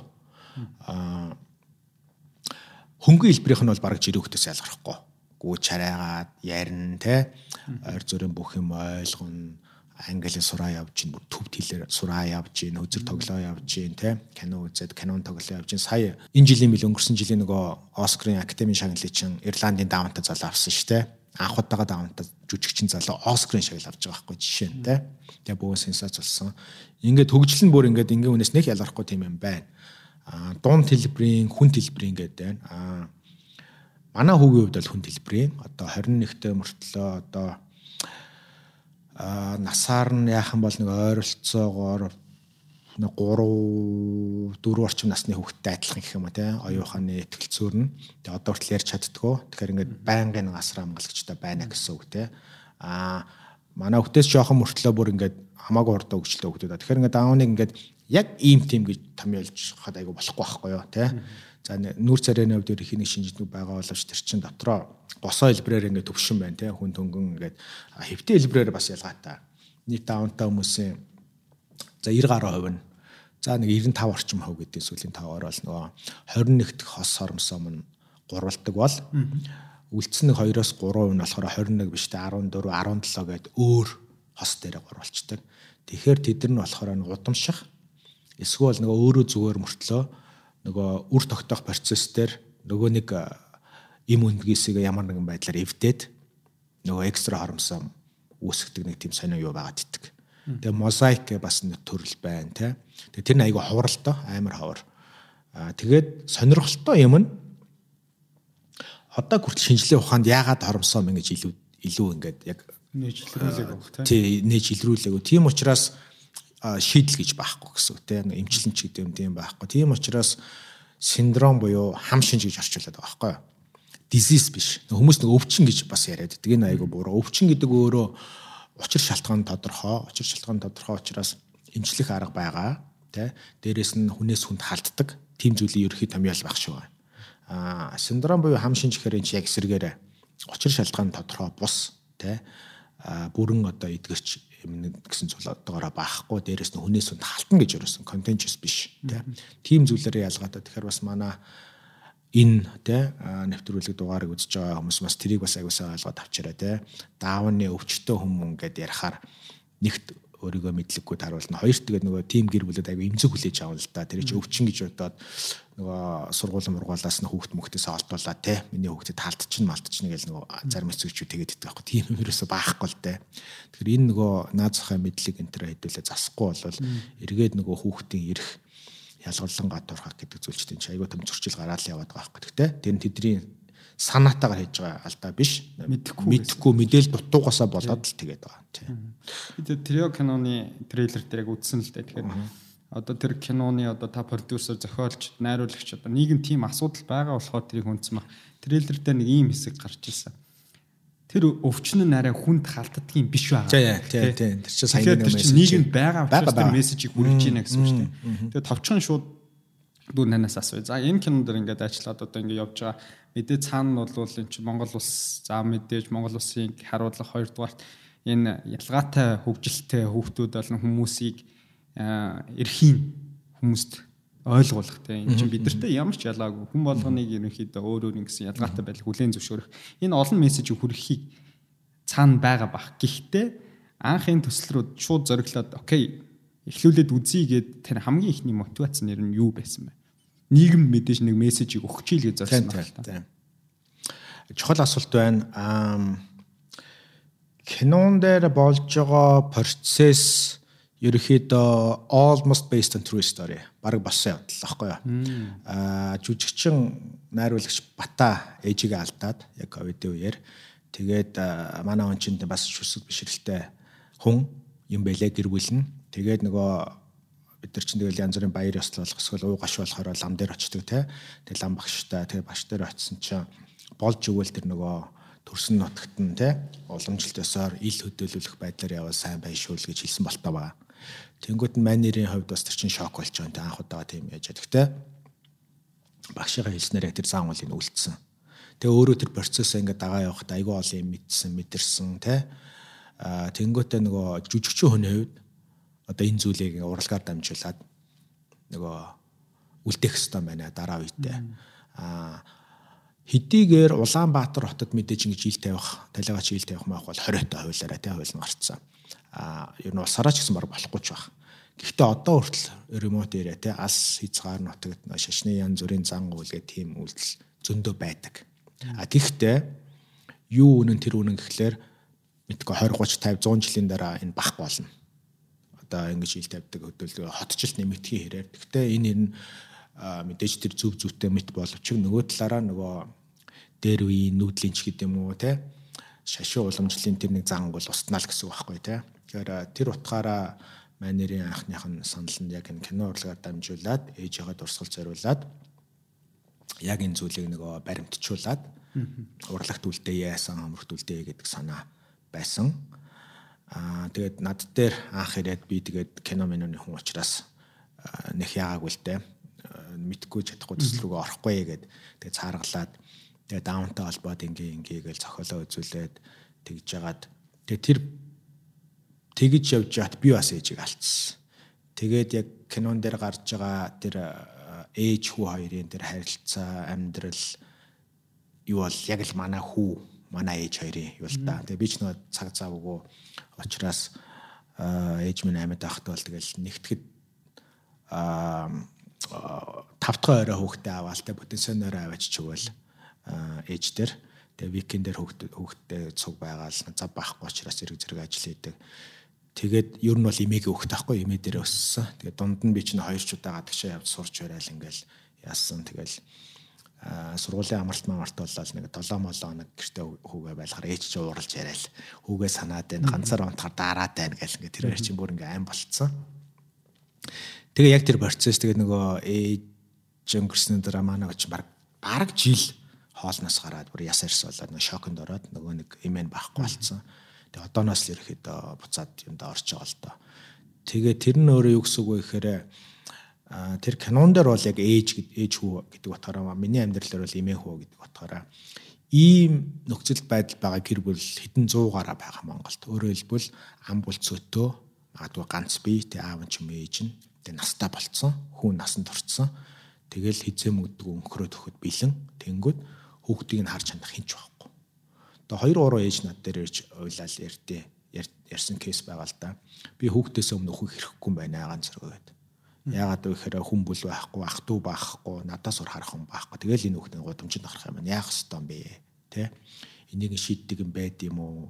Гадаад мадад янз бүрийн байдаг гэсэн Монголд яга байдаг юм бэ гэгээд энэ бол аюу хүнд асуудал болж байгаа л доо. Тэгээд хүмүүс бол мэдгүй ах нөгөө бат сүмбүрлийн нэг ахмадуудын асамжийн газар тэр бол зориулт нь өөр те. Бас харж байгаа настай хүмүүсийг тэнд байлгадаг. Тэнд бол тийм хүмүүсийг байлгаж болохгүй. Шал өөр орчин нөхцөл шаардна. Шараад гэдэг бас хүмүүс яриад тэгтээ шараад гэхээр баг тийм дандаа л янз бүрийн эмэгтэй хүмүүс очдог ерөөсөө гүү штэ. Тэр чи одоо сэтгцэн эрүүл мэнд гэдэг чи өөр аюу тум асуудал болчихлоо. Стресс, депресс. Хүмүүс аюу их очиж имчилгээнд орд юм байла. Нойр нүрхээ байчлаа тий. Энд төр гээл амар ачаалтаа. Тэгээд сайтай гэж сайтай ч юм байлаа тий. Тэгээд тэнцээ чинь үсрээл нэг сар мар болгох юм да хөвтүүлвэл тий. Тэгэл гаргаал ойч ирэхтэй. Тэгээд тэнцээ тэгэж нөгөө байнгын одоо байна гэж баахгүй. Тэгэхээр одоо тэр хүмүүс ер нь гудамжлал гарч байгаа байхгүй. Тэгэхээр бүхэл одоо улсын хувьд ийм асран хамгаалах төв байхгүй байна гэдэг нь өөрөө ер нь хатуу болоод гудамжиг л та улс гэж байсны гол үүргээр олчин те. Татвар төлөгчдийн мөнгөөр энэ нийгмийн эмзэг бүлгийг те. Харж хандах асрах юм үүрэгтэй. Дэлхийн одоо өндөр хөгжилтэй бүхий л улс заавал өндөр хөгжилтэй биш хөгжиж байгаа бүхий л улс тийм төв байдаг. Улс нь тэрийг ажилуулдаг тэнцэнэ хамтараа амьдардаг сэтгэл зүйчтэй эмчтэй хөдөлгөөн засалчтай те. Тэгээ тэрийг ингээд хөөрхөн хөдөлмөрийн ажлын байраар хангаад хөнгөн ажил хийгээд тодорхой хэмжээний мөнгө аваад тэрийгэ буцаага тэр байрныхаа мөнгөндөө нөгөө эмчийнхаа цалиндаа өгөөд ингэ явдаг системүүд байдаг л та. Тэгээд Монгол тим юм байхгүй байгаа нь тэгээд айгүй харамсалтай. Тэгээд манай эцэг эхчүүдийн холбооны гишүүдийн ярьдаг юмнууд яг энэ болж эхэлж байгаа. Анх 10 20 жилийн өмнө холбоо үүсгэн байгуулж байхад хүүхдүүд дандаа жоохон байсан. Хүүхэд жоохон байхад тэрийн дагаа проблем жоохон байсан байна. Одоо ботхоор. Одоо хүүхдүүд томорхоор тэрийгэ дагаад асуудлууд нь бүр том болж эхэлж байгаа байхгүй тий очи эрүүл мэнд боловсрал дээр хэрэгэлдэг байсан бол одоо ингээл ажлын байр за тэгэл нөгөө бэлгийн амьдрал гээл яг л хүнтэй адилхан тэр бүх асуудлууд нь үүснэ. Яах учраа мэдхгүй ингээд шоконд орол тэл нэлээд л тийм хүнд байдалтай байгаа л да нөх хүүхдүүд томрох тусам. Тэгэд энэ бол дахиад ганц нэг төрийн бас байгууллага хийх ажил биш тий. За бид нар яаж иж нийлж байгаа л мэдхгүй нэг 2 3 дахь байшин барих барьчих бах. А тэрий ч нөгөө тогтвортой авч явах гэдэг чи өөр асар том асуудал байхгүй юу тий урсгал зардлаас нь ахуулаад тэр мэрэгжлийн эмч совлогч те янз бүрийн мэрэгчлэтнүүдийнх нь доктортой ажлын байраар хангах, өрсөлдөхүй цалин үйлс өгөх те нарсан туршийн ажлын байраар хангах гэдэг бол одоохондоо үнэхээр бидний тагцсан асуудал юм л да. Тэгээд энэ дээр бас ингээл чааш чааштай төр засаг руу шүүлүүлээгээл ийм юм дээр нь хийх хэрэгтэй хамтрах хэрэгтэй. Энэ дээр нь харин төрийн бус байгууллага харин ингэж хамтрах хэрэгтэй гэж саналуудыг гаргаад явах хэрэгтэй. Ер нь явчих байгаа л да тулгымсан асуудлууд гэвэл ерөөхдөө яг даунтай холбоотой гэвэл би тэрийг хэлмээр байна. Дауны холбоо ч өөрөө төрийн бас байгууллага. Төрийн бас байгууллага. Тэгэхээр улсаас ямар нэгэн дэмжлэг бол ерөөс байхгүй гэсэн үг шүү дээ. Байхгүй. Яг хоо бусад улсуудын жишгээр болвол membership fee-тэй гişүүд нь мөнгө төлөө тэр мөнгөнийхөө өрөө нөгөө байгууллага нь нөгөө гол гол хүмүүсээ ажилуулад үйлчлэгээ хөргөдөг. Бид нар гişүүдийг төлбөртэй болгож үтсэн маа гişүнчлээ хураамж төлбөр биш те. Тэгэл өхөн өхөөл өхөн өгдөггүй байхгүй юу. Тэгээ дийлэх нь өгөхгүй. Тэгээд арга хэмжээ зохион байгуулахаар бүгдээр хүрээд ирдэг. Тэнгүүд өө чи нэг хор хамжаа төлсөн чи орчи төлөв чи орохгүй гэж хэлж болдгоо. Тэгэл бид нар ч бас бөө юм болоод баахан хүнд авчирсан тий. Сурвалж сурчлагаа хийх гээл байж идэг. Буцаагаа явуулахаар тэрнээс ирсэн юм.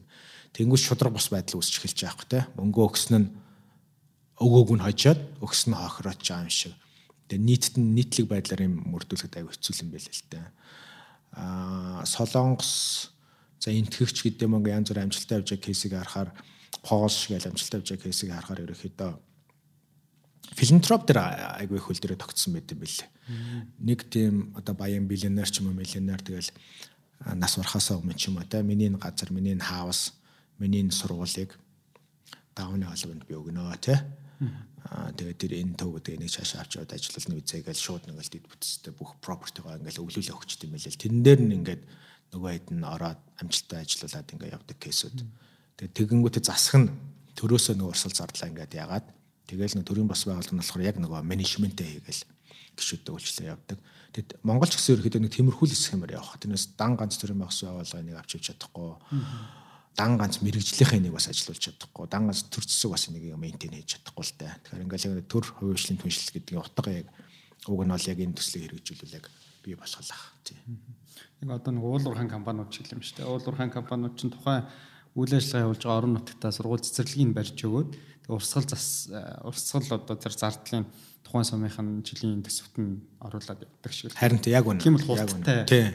Тийм. Тэгээд аль аль тал нөгөө өвнөршөвтэй олчих واخгүй юу. Тэгэхгүй нөгөө талдаа тий.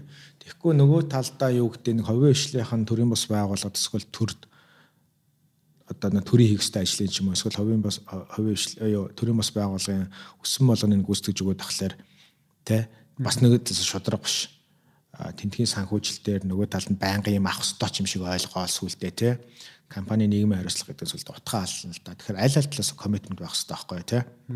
Магадгүй тэр хөрөнгө мөнгө тэр нь зарцуулах одоо элдв нөөцүүд яг тэнцүү хуваарлж анханасаа гаргадаг тэр хэмжээгээр тэр төсөл дундих болж ижлэг амжилттай явах тэмцэл байлаа л дээ.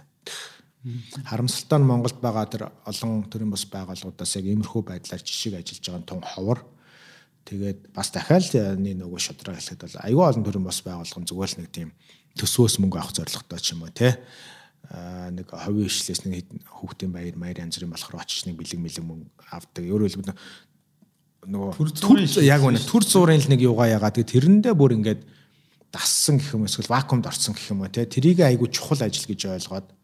Тэнгуут нөгөө талдаа яаж юм нэхэр тийм бэлэн хүлээлтэнд орсон бүхлүүдэн затуухан л паразитын бүлийг үүсгэж байгаа байхгүй.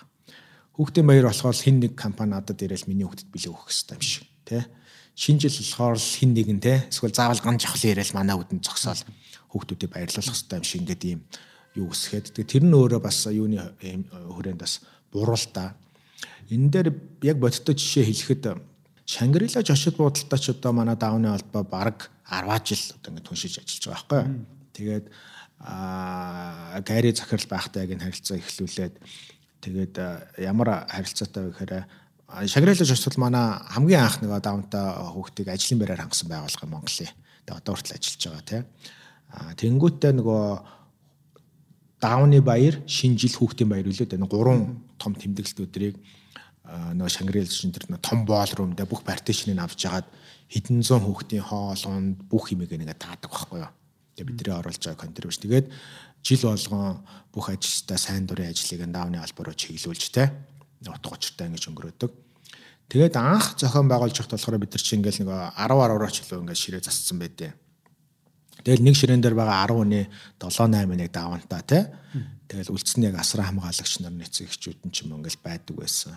Тэгээ сүүлдээ тэр харьцаа ингээ багасаар багасаар сүүлд ингээд би 3 4 жилийн өмнө ингээ анзаарсан чинь нөгөө нэг 10 хүнтэй ширээний бараг 1 2 нь л давантаа. Бусдын зүгээр нөгөө нэг ах トゥ хамаатан садан тэгээд энэ бол ингээ утга алдчих байгаа байхгүй. Тэгээ нөгөө хэд маань мэддэг болчихно бас шууд буруутгаад хэцүү юм. Их зовлонтой. Тэгэл нөгөө гэр бүлээ дагуулаад хөтөлцөөд ороод ирнэ. Тэгэл үүдэн дээр нь оруулах хэцүү, оруулахгүй хэцүү харин тий. Тэгээд э, тэр яг буруу явж байгаа гэдэг бид нар яг анзаарсан л да. Тэгээд Шангрила, Шангрила ч анзаарсан байсан яг бас. Тэгээ хоёр талаас яг мэдэрч яриад за энийг өөрчлөхөөл болохгүй байна гэх. Тэгээд тэр тэмдэглэлт өдрийнхөө тоог нь цөөлөө. Тэгтээ тэнд зарцуулж байгаа зардлаа бидэрт өгөөд бид нар тэр нэг 21 аймгаар явж нэг сургалт сурчлааных ажиллаа хийя гэд. Тэгээд ковид гарах хүртэл бид нар ч бараг 10 гаруй аймгаар тойроо явцсан байсан. Тэгээд ковид гараа зогсоод одоо ингээд бас үргэлжлэх шатанда уг нь орох хэвээр тийм юу байгаа да. Тэгэхээр би энэ жишээгээр үйлж нэхэр ингээд бэлэн загас биш те. Загас барих арга биш. Загас нь өгөөд байх тусмал нөгөө хүн тусалж байгаа нэг сайхан сэтгэл чи өөрийн мэдлэгвэл нөгөө нэг хүн тус биш ус болдог л тийм юу одоо том эрсдэл байд юм байлээ. Тэгээд энийг яаж одоо энэ сайн дурын ажил хийж байгаа төрийн бас байгууллагууд те одоо энэ мундаг мундаг явж зөндөө хүмүүс байгаа яаж бас энэ балансыг олж явахаа гэдэг бол айгүй чухал юм байлээ л дээ. Би бол бас 100% арга нь олоогүй л нүгөө хэлэхэд тий. Нөгөө талаас нь бас төр хоошоо суугаад төрийн хийх ажлыг аль нэгэн төрийн бас байгууллага яг үнэ бас тийм нөлөөлөгч яг үнэ төр чинь тэгээд хөдлөхгүй шүү дээ. Яг үнэ. Бас тийм бас аргумент байдаг л та дебет те. Чи одоо ингээл угаасаа энэ хөгжлийн бишэлтэй эргээд те нийгмийн эмзэг бүлгийнх нь туслах одоо эрхийн хамгаалах чинь төрийн үүрэг шүү дээ. Тэрний төлөө бид нар чинь татвараараа те одоо махаа идэж олсон мөнгөө те татвар төлөө тэд нар чи хийх ёстой шүү дээ гэдэг. Зөв яг үнэ хийх ёстой. Гэхдээ хийж байгаа мó гэдэг байхгүй. Тэгээ хийж байгаа мó. Яг тэр эцэг эхчүүдийн хүүхдүүдийн санаанд нийцсэн тэр боловсралтай хүртээмжтэй эрүүл мэнд болон боловсрал соён гээгээрэл хүртээмжтэй ажлын байрны юм яг төр хийж гинөө гэвэл аюулцсан байхгүй юу? Тэгээ хийгээч гэж нэг шахаж болно. Тэгэл 2 3 хан л опшн авах. Хийгээч гэж шахаж болно. Хоолоо ойролт ашрах. Эсвэл бол өөрөө нэг үйлчлэгээд үлгэрлээд хийх. Түүчээлэх. Түүчээлэх те. Тэгээ дахиад энэ дээр аягүй сайн ойлголцох л хэвээр юм байлаа. Одоо та яриандаасаа хэлсэн 21 аймгаар одоо яг нэг ингээд хүмүүст мэдээлэл хүргэхтэй энэ талаар тэгтээ янз бүрийн үйл ажиллагаа арга хэмжээ зохион байгуулахад яг одоо жишээ нь Дауны синдромтой хүүхдэд дагуулж ирээд хүмүүс нь оролцуулах тэр хүмүүсийг оролцуулахаас илүүтэй нийгэм тийм үү. Энэ хүмүүс энэ ялгаатай хөгжил гэдэг талаар ойлголттой болох, энэ хүмүүсийг үлийн зөвшөөрөх талаас уг нь бид нар мэдлэгтэй болох хэрэгтэй шүү дээ тийм үү. Тэгээ хүмүүс энэ талаар ерөнхийдөө хэр одоо 6 жилийн өмнөхөөс хэр нийгмийн оролцоотой болж байна. Би биений хүлийн зөвшөөрөх ялгаатай байдлыг хэр хүндэлдэг болж байна. Та одоо нийгмийн мэдрэмжийг энд одоо угаасаа дотор нь ажиллаж байгаа хүн тэр авч байна харьцангуй гайгүй болж байгаа тэр тал дээр. Тийм ч учраас аюу олон эцэг эхчүүд хуучин 5 6 жилийн өмнө хэвлэл гараад яриа өгчгөө. Би одоо нөгөө сайндаа ингэж хэвлэл гараад бас байдгүй байхгүй даун төлөөлөд. Би аль болох нөгөө баг гарах сонирхолтой шилжтэй. Тэгээ хэвлүүд ирж асуудаг.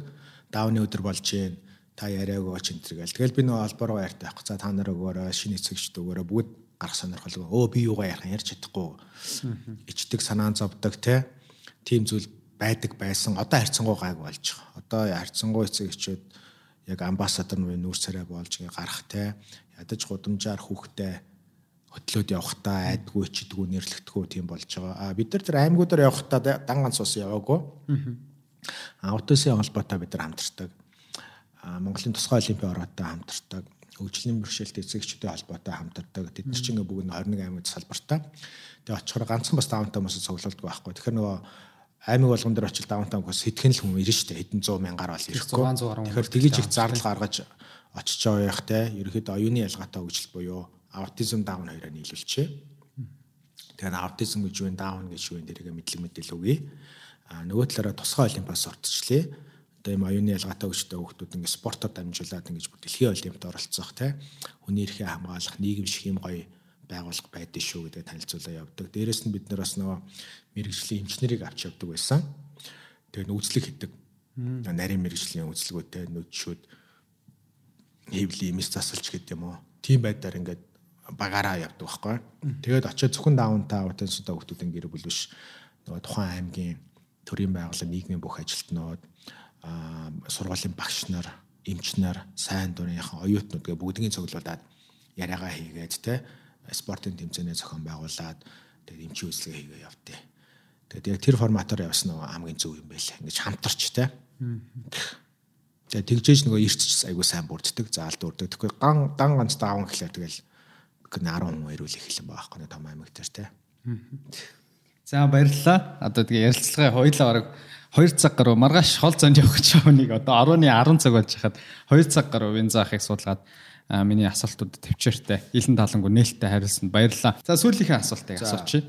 Сүүлийн асуултыг бүтээлч байдлыг үгүй хийдэг зүйлсийн талаар та нэг товчгоо нэг 3-4 зүйл дурдчих юм бол та бас нөгөө жил болгон цугладаг дэлхийн одоо нөгөө бүхэл салбарын бүтээлч хүмүүс нэг дор сугалдаг Cannes Lions гэдэг нэг фестивалд оролцдог. Энэ жил их та нэр явсан уу? Энэ жил ихт явж чадаагүй. Энэ жил ихт явж чадаагүй. Бүтээлч байдлыг тодорхойлох би нөгөө юу гэж хэлмээр байна. Одоо би сүүлийн 3 4 өнгөрсөн жилийн сточ бол 3 4 жил дараалаад яг Cannes фестивал руу явсан. Тэгээд явсан хүмүүс маань манайх маркетинг холбоороо дамжуулаад бас тайлангаа тавьдаг л да ирээд Cannes Lions гэдэг нөгөө арга хэмжээ хийгээд тэнцээ үдсэн харсан сонио ачин те онцлог ихтгэлүүдийг бид нар монголчуудаа маркетруудаа ингээд танилцуулаад арга хэмжээ хийдэг. Бид анхны тэр ихтгэлийг хийжсэн сүүл бас нэг хийсэн. Тэгэхэд аянда анзаарэгддэг л да нэг жил жилийн трендээсээ болдог. Аа сая сүүлийн урчин жил бол жишээ нь яг нэг Орос Украины дайнтай холбоотойгоор яг нэг те peace те хүний эрх гэдэг зүйлүүд нэлээд төвлөрж ирсэн. Тэрний өмнөх жилд нөгөө creativity технологи хоёр өрсөлдвөл хэн дийлэх байдаг одоо юу хамгийн их өрнөж исэн. Тэгээ тэр үед ягаа сенсоц болсон байх гэхээр нэг реклам FM реклам билүү телевиз реклам билүү юуны тухай ялаа да баг алтаарчлаа авсан байхгүй. Тэгээ вау маа гээл тэгэл нэг ялагчийг тайз мэзэн дээр өрөө гэсэн чи тэрийг компьютер хийсэн хүн игээг химэл аяага хийсэн. Тэнгүүд технологи хийсэн креатив дэг компанид ажил реклам шторк дэлхийн одоо бүх төрлийн шилдэг маркетруудтай өрсөлд креатив хүмүүстэй өрсөлдөд дийлчихэж байгаа байхгүй. Тэгээ шүүгчнэр нь тэрийг мэдгэж шалгаруулчихж байгаа байхгүй. Тэнгүүд нь яг тэр үед за ер нь ч юу болох гээд байна. Ирээдүйдээ бид нар байх юм баахгүй мө те. Хүний бүтээлчин сэтгэлгээ одоо үйлдвэрлэлийг машин те ялах юм ялахгүй юу гэдэг тийм одоо яриа өрнжсэн жишээ те. Тэгвэл жил болгоны одоо юун дээр хамгийн их давтдаг би нэг хамгийн их давтагддаг тэр үгнүүдийг бас ингээ түүхийг хичээдэг. Тэгээ жил болгон дээр л нөгөө authentic гэдэг үйл аяг тавтдаг. Үнэн бай, бодит бай, жинхэнэ бай. Хуучин бол ингээл маркетинг гэдэг хүмүүсийн эмоц одоо айц майцаар нь дамжуулж бараа бүтээгдэхүүн заах гэж хүчилдэг байсан бол одоо ерөөсөө тэр явахгүй болцсон тий.